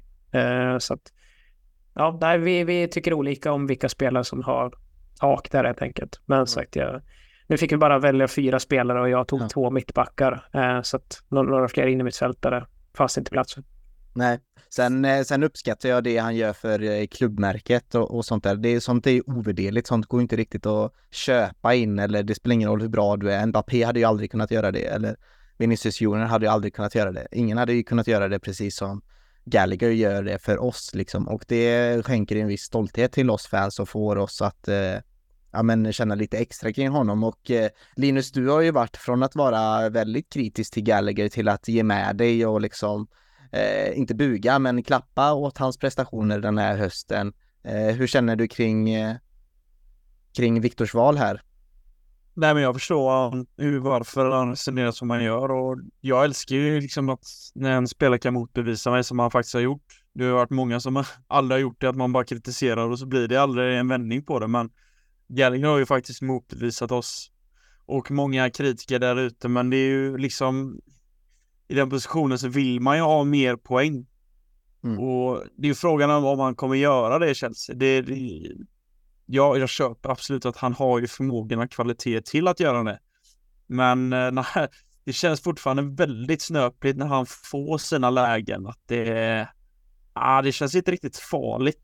Men eh, bara för att säga det så kommer han göra ett otroligt snyggt mål mot Newcastle nu, men mm, lite tveksam till eh, att det måste ske lite mer fler poäng från en som spelar. Om han ändå ska vara i den framåtlutade positionen som vi ändå har märkt att han vill och kan spela i så måste det nog eh, rulla in lite mer poäng. För annars kan det vara någon annan som kommer upp och tar den chansen och helt plötsligt så ser vi att ah, han gör poäng men det gör inte Gallagher och då blir ju valet kanske, ja, ja. vad är det vi söker? Är det återigen en spelare som vi liknar i Mikael att inte gör så mycket poäng men gör jobbet till 100 procent?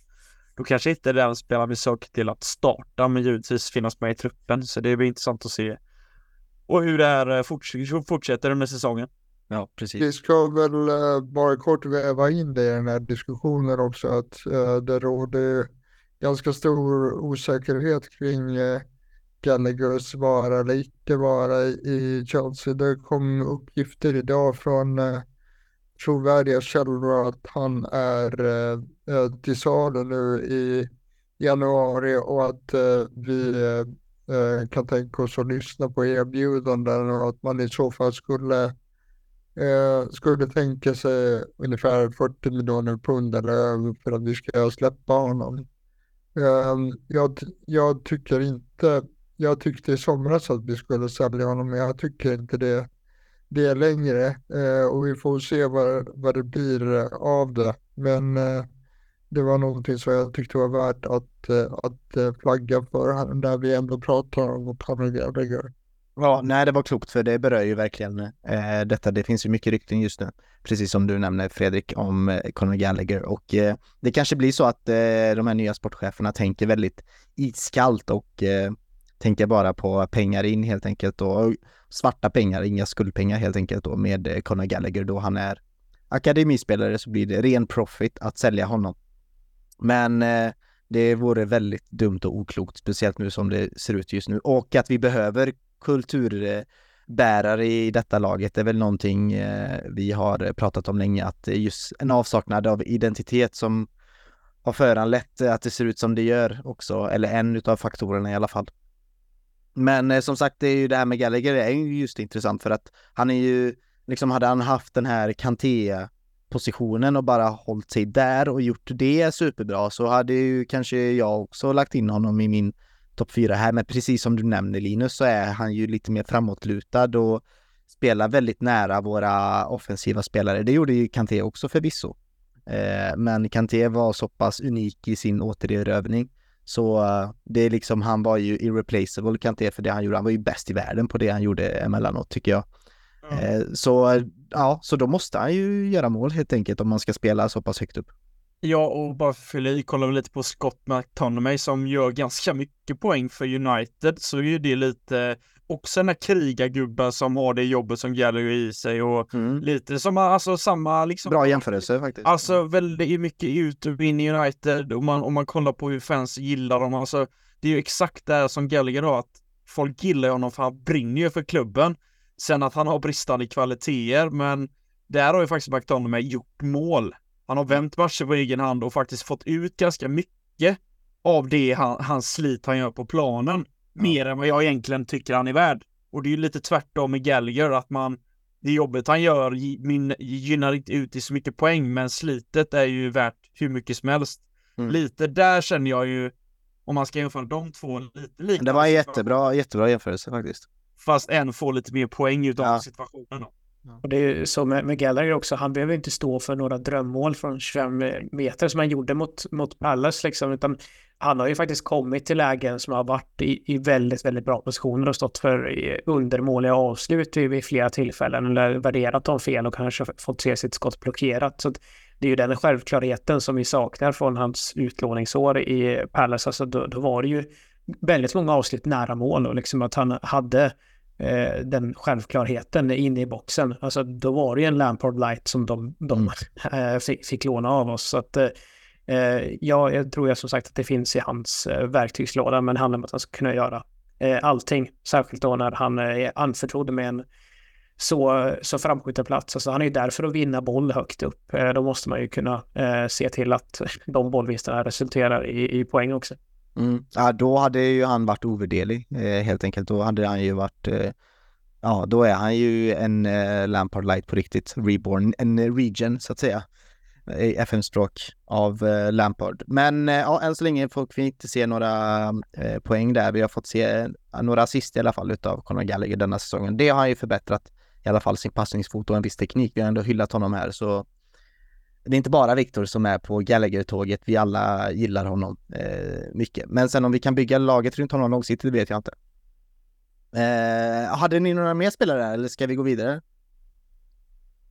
Ni var klara va? Ja, värt att lyfta är att ingen tar Reece James, men det... Ja, ja, ja, det är väl, förlåt, det vill jag ju säga att det är någonstans elefanten i rummet här. Att, inte- Ja, att inte Rich James är eh, vald utav någon utav oss här. Men eh, du tog ändå ton Linus, vill du, ska vi prata lite om detta? För det är ändå, det är fan jobbigt alltså. ja det, det var nästan så att jag ville säga att nej, vi har nog pratat klart här nu, men eh, vi kan inte eh, låta det gå förbi, men det är ju skadorna. Alltså, Ja, det, Det alltså, går inte att lita på honom eh, så länge. Nej, och jag menar vi, vi har ju ändå suttit här och om vi backar bandet till förra säsongen så satt vi liksom att det är han och bland annat kanske Wesley Fofana. Men han Ja. försvinner också snabbt ur en ekvation om framtiden. För jag menar, hade han startat och varit med då hade vi inte suttit här och pratat om Buddy Shield tror inte jag. Om vi hade haft en Fofana som eh, självklar spelare. Så det är ganska många som försvinner just i ekvationen tack vare skadorna och det är ju där kan ju Chilwell också varit en sån Verkligen. en, front, en frontfigur eh, som liksom, som vi nämnde en kok och det, är- alltså det är eller 96 liksom, det är ju ingen ålder. Men det är skadorna som gör så att man känner att ja, tyvärr, ni kommer inte med. Och Rich James säger ju bara att det är någonting med hans kropp att antingen det är att han har för stora muskler som gör att det är för lätt att dra på sig skador. Eller att det är någonting bara, en jädra otur som han bär med sig och ja, nu får jag hoppas bara att den här operationen kanske görs nu då, att man faktiskt låter han ta den här långa vilan för att kanske på lång sikt få spela en hel säsong utan en jädra skada, för det gör han ju aldrig. Han har ju missat över 180 matcher och spelat 90 någonting, så jag menar det är, ja shit, det, det är bara sorgligt. Ja, Fredrik.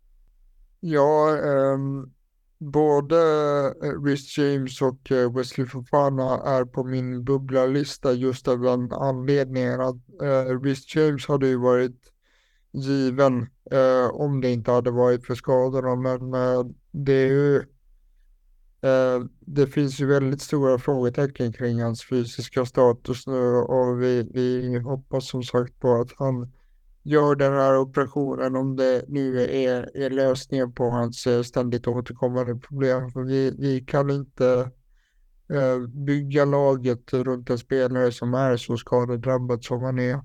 Och eh, Wesley Fofana tycker jag glöms bort eh, mycket också på grund av, sin, av eh, sina skadeproblem. För han är ju en otrolig mittback med Ja. en otrolig höjd i sig. Det handlar bara om eh, om eh, hans skadeproblem också, om man får en rätt sida på det. Inte för, får han bara vara helt så finns det världsklasspotential i honom. Eh, när vi tänker tillbaka då till den här ehm, liksom Drogba, Lampard, Terry, Check-perioden. Alltså det var ju, ingen av de fyra hade ju problem med skador riktigt. Utan de var ganska konsistent, mer eller mindre. Ehm, det var ibland, de missade en halv säsong eller så, men det var väldigt knappt. Eh, alltså Check hade ju sin huvudskada självklart. Men eh, ja, det är väldigt svårt att bygga ett lag runt en spelare som inte befinner sig på plan särskilt ofta och jag vill nästan säga Viktor att det här kan få det kan uppstå ett kaptensproblem i Chelsea om, om han fortsätter, sig, fortsätter vara skadad. Ja, alltså jag tror inte det är något eh, problem i sig egentligen att eh, kaptenen råkar vara eh, otillgänglig och att det, det är en, en informell då, vicekapten som har varit Gallagher nu främst då, som, som får ta på sig binden istället. Eh, jag, jag tror inte att det jag, jag ser inte det scenariot framför mig där Pochettino överväger eh, att plocka binden från James eller att säga att Pochettino av någon anledning skulle ersättas, att han rycker binden från James. Att ja, men du är ju bara skadad hela tiden.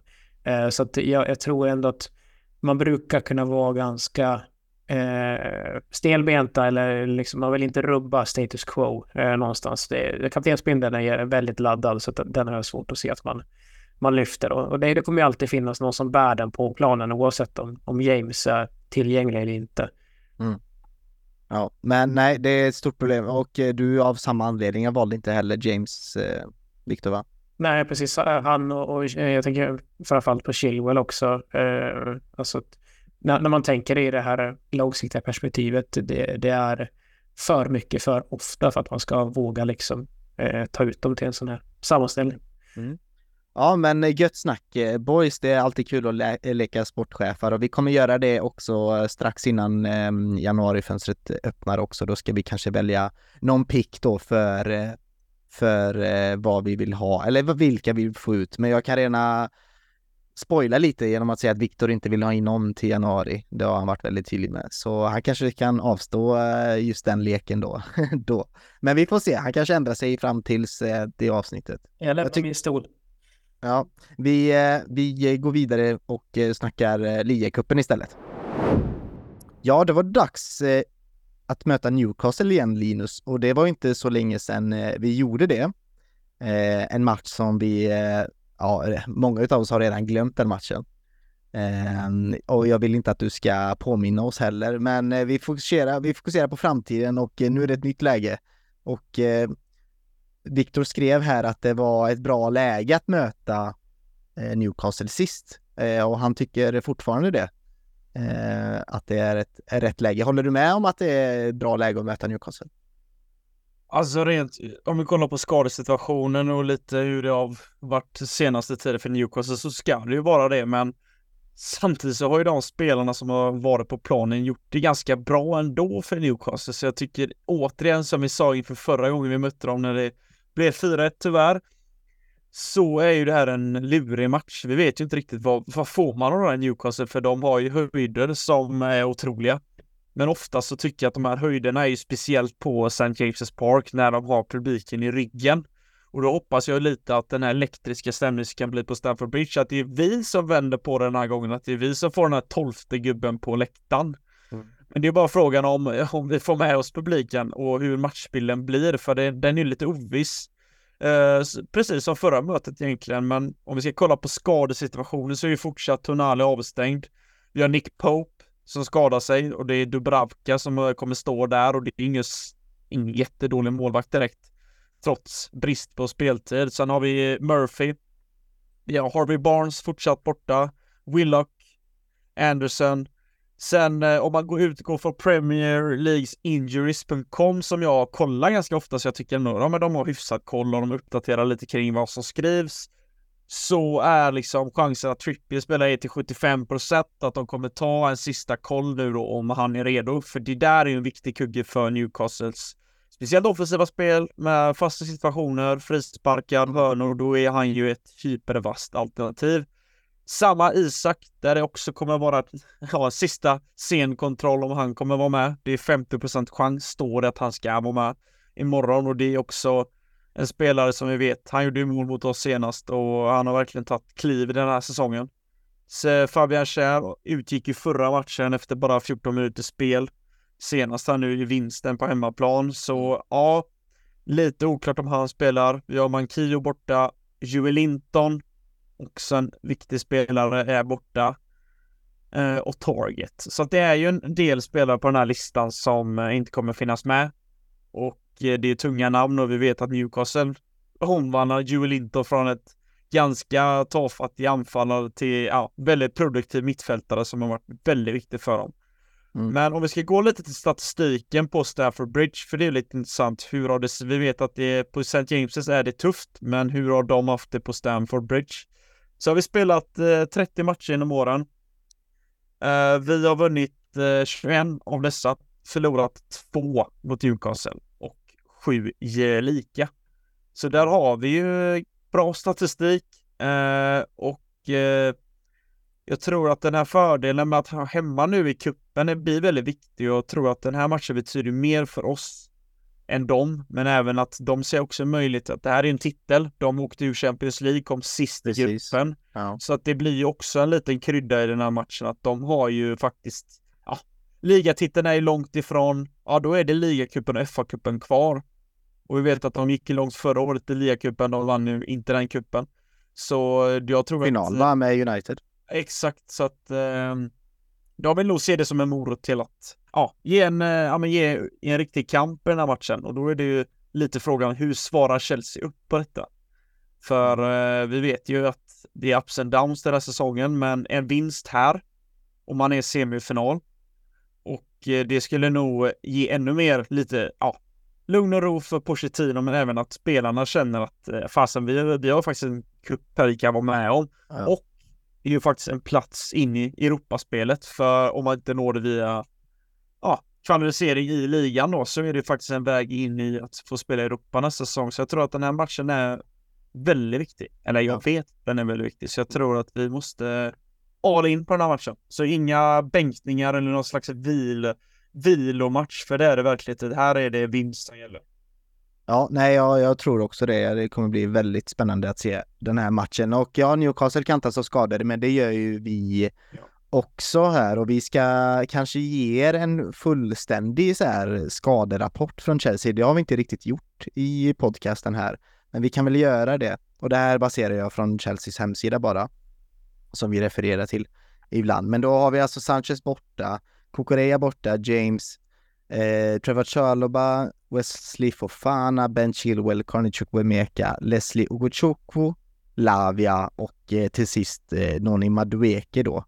Eh, så vi har ju en eh, väsentlig skadelista. Vi med och eh, ja, för er som inte visste vilka som exakt som var skadade så vet ni det nu. Och eh, ja, det har ju skrivits lite där om den sistnämnda spelaren eh, Fredrik, om eh, just Noni Madueke och hans framtid i Chelsea, att den har Ja men varit lite orolig, man, inte, man trodde väl kanske att han kommer skickas på, på lån eller kanske säljas rent utav nu i januari eller till sommaren. Men det har ju dykt upp lite nyheter kring det va?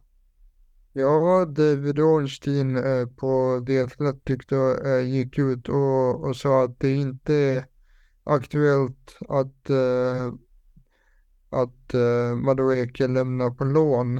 Eh, men däremot så nämnde han inte något om någon permanent transfer så det kanske är det man är ute efter i Chelseas fall. Det har ju varit ganska intensiva rykten om att, eh, om att han eh, uh, på väg ut och att han inte är, är nöjd med situationen som den är nu och, och det verkar ju onekligen som att eh, Poch inte har ett särskilt gott öga till honom heller han har ju knappt fått några chanser eh, sedan den tillsättningen. Eh, det har funnits rykten att det är något som ligger och skaver där sedan eh, Tottenham-tiden när eh, Madueke eh, tillhörde akademin. Men det, det är som sagt mest lösa rykten. Men vi får se om det händer någonting eh, honom i januari och huruvida det påverkar hans speltid eh, just nu eller inte. Men eh, ska man tro David Ornstein, vilket man ju har all eh, fog för att göra så eh, kommer han inte lämna på lån i alla fall utan lånen är eh, tilltänkta att, eh, att eh, vara en lösning för de spelare som ses som väldigt talangfulla men som inte riktigt får plats i Chelsea just nu och det var väl tanken med Adres Santos till exempel och Precis. Angelo. Eh, så, och det sägs ju att eh, Andrés Santos kommer att eh, kallas tillbaka nu eftersom hans, eh, hans lånesession i Nottingham Forest har varit ett, ett fiasko. Vi kommer ge er en eh, låneuppdatering då. Vi gav ju den för några veckor sedan. Vi ska göra den nog också i januari tänker jag. Får vi se om någon kommer tillbaka eh, eller om det blir någon förändring i lånen. Men eh, bra, då har vi det klart kring Madueke. Vi får se om vi kommer få se han mer i den blå tröjan. Det kommer vi nog få se minst en gång i alla fall.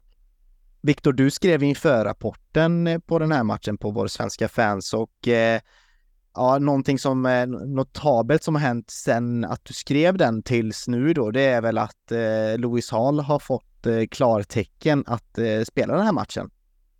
Eh, jajamän, och det kan mycket väl vara så att man, man kommer att använda honom. Jag kan se mig framför mig att man kör eh, Dan Burn på mittbacken bredvid Lasells. Eh, eh, Bottman kom in i helgen för, för Newcastle men har varit borta med skada så att man kanske inte vill ju sätta honom i en startelva än då och, och fortsätta ha Burn på, på vänsterkanten. Eh, så att eh, nej, jag tror mycket väl kan se honom eh, spela. Men samtidigt eh, var det ju snack om att man försöker undvika att eh, spela Lewis Hall just för att eh, komma bort från den här eh, köparklausulen som finns i, i låneavtalet. ja, men kan du inte berätta lite om det?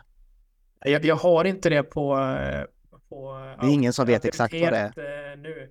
Och det kan ju gälla att det är bara Premier League-matcher till exempel som den här kvoten fyller och att då ligacupen inte spelar någon roll.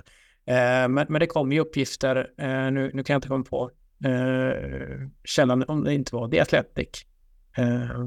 det var det nog. Det, som, som erfarade om det var kanske Simon Johnson och Chelsea-korrarna så kommer det att man, man har eh, tagit beslutet, eller överväger i alla fall från, från Newcastles håll, att eh, vara väldigt noggranna med eh, när Hall spelar och inte spelar. just så att man eh, har börjat ifrågasätta huruvida man eh, faktiskt ser en, en plats för honom i lagbygget. Man, eh, de har ju, har ju, också problem med, med FFP eh, och att de känner att de har väl en ganska bra täckning på just ytterbackspositionen, att det är det som är argumenten bakom snarare än att Lewis Hall skulle vara en eh, för dålig spelare för dem. Eh, men ja, det vore ett, ett intressant eh, scenario om det skulle vara så att han faktiskt kommer tillbaka till Chelsea. För det kändes verkligen som ett avsked när han drog upp till Ironside.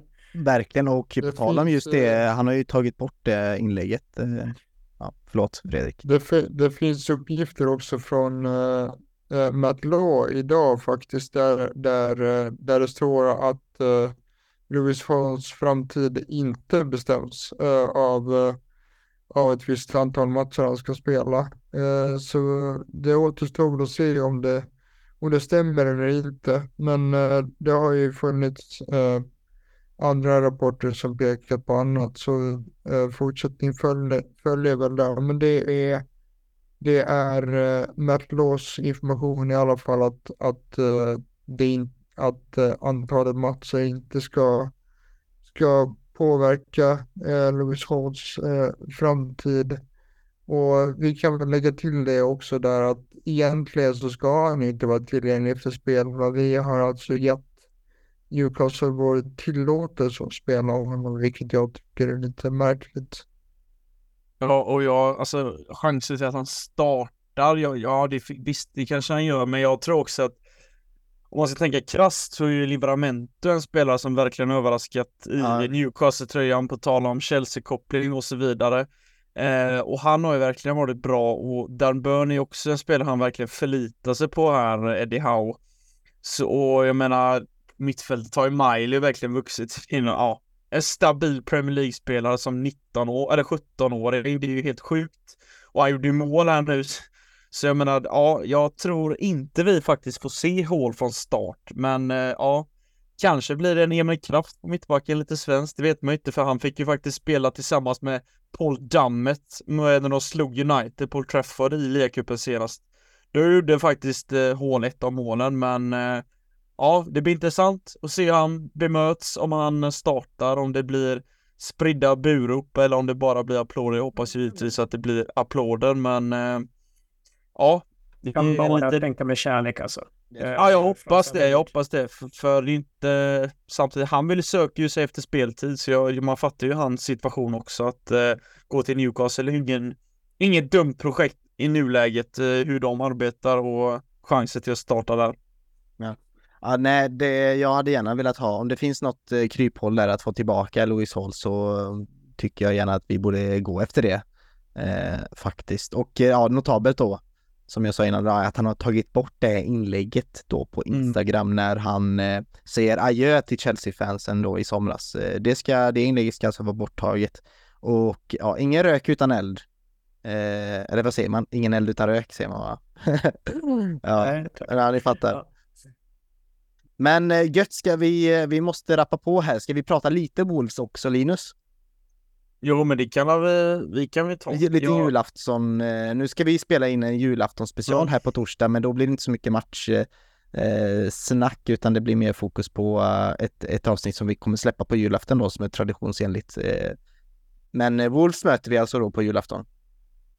Ja, exakt. Och det, där har vi återigen en sån här match man inte riktigt på förhand vet ju. Jag vet, Chelsea kommer vilja styra matchen såklart. Men sen är det ju frågan hur Wolves svarar upp och vi vet ju att att Pedro Neto, som har varit deras, ja, riktigt farliga vapen, har ju varit skadad under lång tid och, och men de har ju Chan som har gjort åtta Premier League-mål. Alltså det är ju ändå bra statistik för en klubb som verkligen har eh, ja, men hackat under säsongen och man hade väl kunnat tro att de skulle vara ännu längre ner i tabellen i mina ögon utifrån vad som har skett och vad man har blivit av med. Men nej, de hänger med. De ligger på trettonde plats och har ju ändå börjat med 19 poäng så de är inte långt bakom oss. Så den här matchen blir också att vinner man den så får man ett litet avstånd från det nedre halvan av tabellen där vi inte ska vara längre tycker jag. Nu är det dags att sikta uppåt och då är ju Wolves-matchen ett sånt eh, bra exempel på att vi kanske ska vända det här nu. Mm. Och, eh, men det som är livsfarligt med Wolves är ju deras kontringar och där har vi straffats rejält tidigare under säsongen nu att vi hänger ju inte riktigt med i de här vändningarna. Silva ser lite trög ut och ja, lagdelarna har fläckat lite att man inte riktigt sätter ihop så att jag tror att vi måste verkligen ja, se upp och inte tappa bollen att fokusera på att ja, men sätt passningen på foten och inte slå så många chansbollar och jag tror att vi kommer minimera det tack vare att vi inte har Sanchez i mål heller. Mhm. För det gör att de här passningarna till Petrovic vill man inte slå i det här kortpassningsspelet vi alltid ska hålla på med. Så jag tror det kan bli mycket rakare backlinje och det tror jag vi kommer tjäna på. Att eh, inte hålla på och slå det här korta och sen slå den här långa från Sanchez. Jag tror det blir bättre att vi spelar ett mer rakare spel i den här matchen. Eh, Senaste gången som eh, Wolves eh, alltså gjorde någon riktig skalp så, det var väl eh, i november då när man slog eh, Spurs. Annars har det sett eh, ganska trögt ut ändå. Ja, Det var väl en, ett lag som man tyckte eh, när säsongen drog igång att ja, men det här ser ändå ganska spännande ut. Man slog La City och sådär. Ehm, ja, men det har avtagit. Jag Ja. tror det, förlåt, jag hade lite annan Nej, känsla med, med Wolves liksom före säsongen. Jag, jag tyckte jag såg många liksom tips på tabellen, liksom många som hade dem eh, på nedflyttningsplats eller, eller nära mm, ja. där och jag, jag satt nog också lite grann i det lägret att uh, Wolves kan, kan få det tufft. Eh, men som sagt, de är ju eh, väldigt mycket mittenlag, liksom är ju allting med deras säsong så här långt skri, skriker ju mush i middel.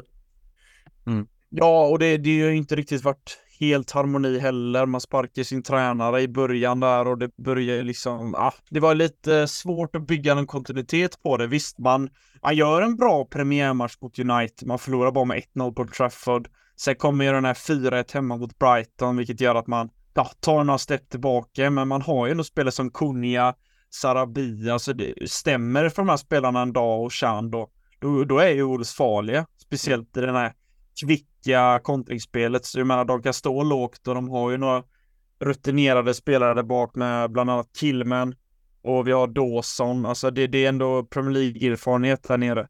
Och eh, så jag tror att vi, det, är- det är ett lurigt motstånd, men eh, utifrån lite hur formen ser ut då. Vi har ingen vidare form, men vi borde ju ta tre poäng här, tycker man ju. Om det, för det här är ju en sån match vi verkligen kan ta ett avstamp lite från att hänga med där nere. Att man faktiskt kan se lite uppåt. Med försiktiga ögon såklart. Ja, nej, men det är kanske skönt för Chelsea att ha lite lättare motstånd i Premier League nu med Sheffield och Wolves då. Alltså Wolves har enligt expected points då så ska de ligga på en 17 plats i, i ligan och eh, på expected goals så är de alltså på 16 plats. Medan Chelsea är på fjärde plats då i expected goals. Eh, och i expected points är Chelsea alltså på femte plats. Så ja, det är inte alltid eh, de tabellerna är eh, religion så det är, men det är en bra indikation i alla fall på hur eh, lagen spelar i alla fall. Och det, ja, när man kollar på lagen som är sämre än Wolves på expected points så är det ju liksom Burnley, Luton och Sheffield. Så ja, nej, det är inte en jättesäsong utav Wolves hittills. Nej, och som jag lyfte innan, Pedro Neto där som har varit skadad en del, han, bara, han har spelat tio matcher, men på de här tio matcherna har han gjort ett plus sju. Mm. Alltså, det är ju det är väldigt bra siffror för att just spela i Wolves då. Och eh, det är ju en spelare jag skulle, ja men han, han kan lätt spela ett, jag kunde sett han i en Spurs-tröja eller någonting. Kanske inte de bästa lagen, men ändå ett lag som, ja, vill gilla att spela offensiv fotboll och eh, han har en grym vänsterfot och han har straffat oss innan. Han har eh, så ett det, eh, om att det var säsongen 2021 tror jag det var med Tuchels säsong där så gör han eh, mål i, ja, sent i matchen och han har bra vänsterdörja så att han kommer ju, det är ju, det är en saknad spelare för Wolves, så är det bara. Med honom så tar han ju mycket mer poäng. Ja, Kunja är väl också någon spelare som Ja, precis. Och det där är en spelare de inte har fått ut maximalt av heller. Nej. Det är... Ja, bra han var mot United. Ja, exakt. Då undrar man ju, då gick ju internet helt bananas där efter hans insats, men sen har det ju ja, avtagit med tiden om man säger så. Mm. Ja, hörni, ja, vi har två eh, matcher här att se fram emot och förhoppningsvis kan vi få lite vind i seglet eh, efter eh, den eh, ja, men, eh, traditionsenliga prestationen då, måste jag ju ändå säga, för det är egentligen traditionsenligt att vi, vi slår ett bottenlag på Stamford Bridge relativt enkelt.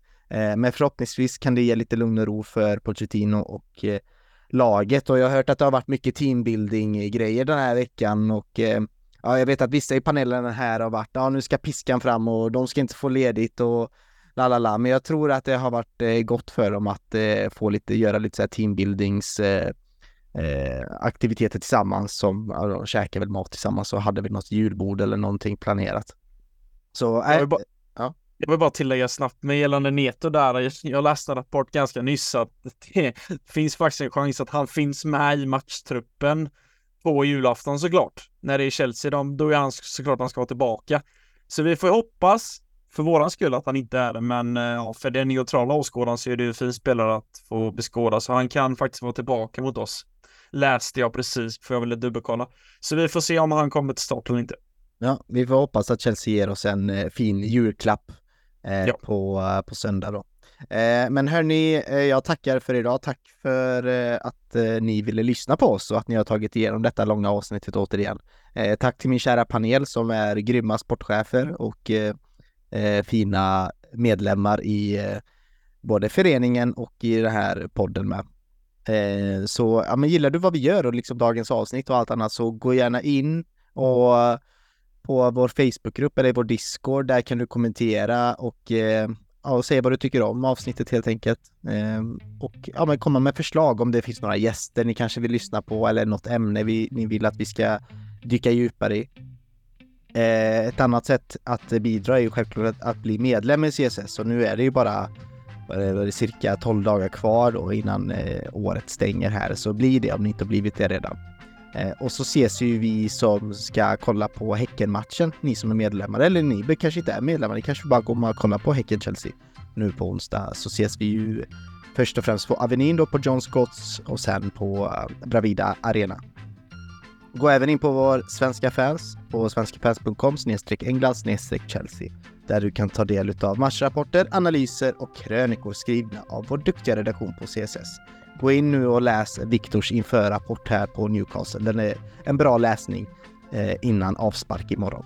Eh, ett stort tack återigen för att du har lyssnat. Keep the blue flag flying high.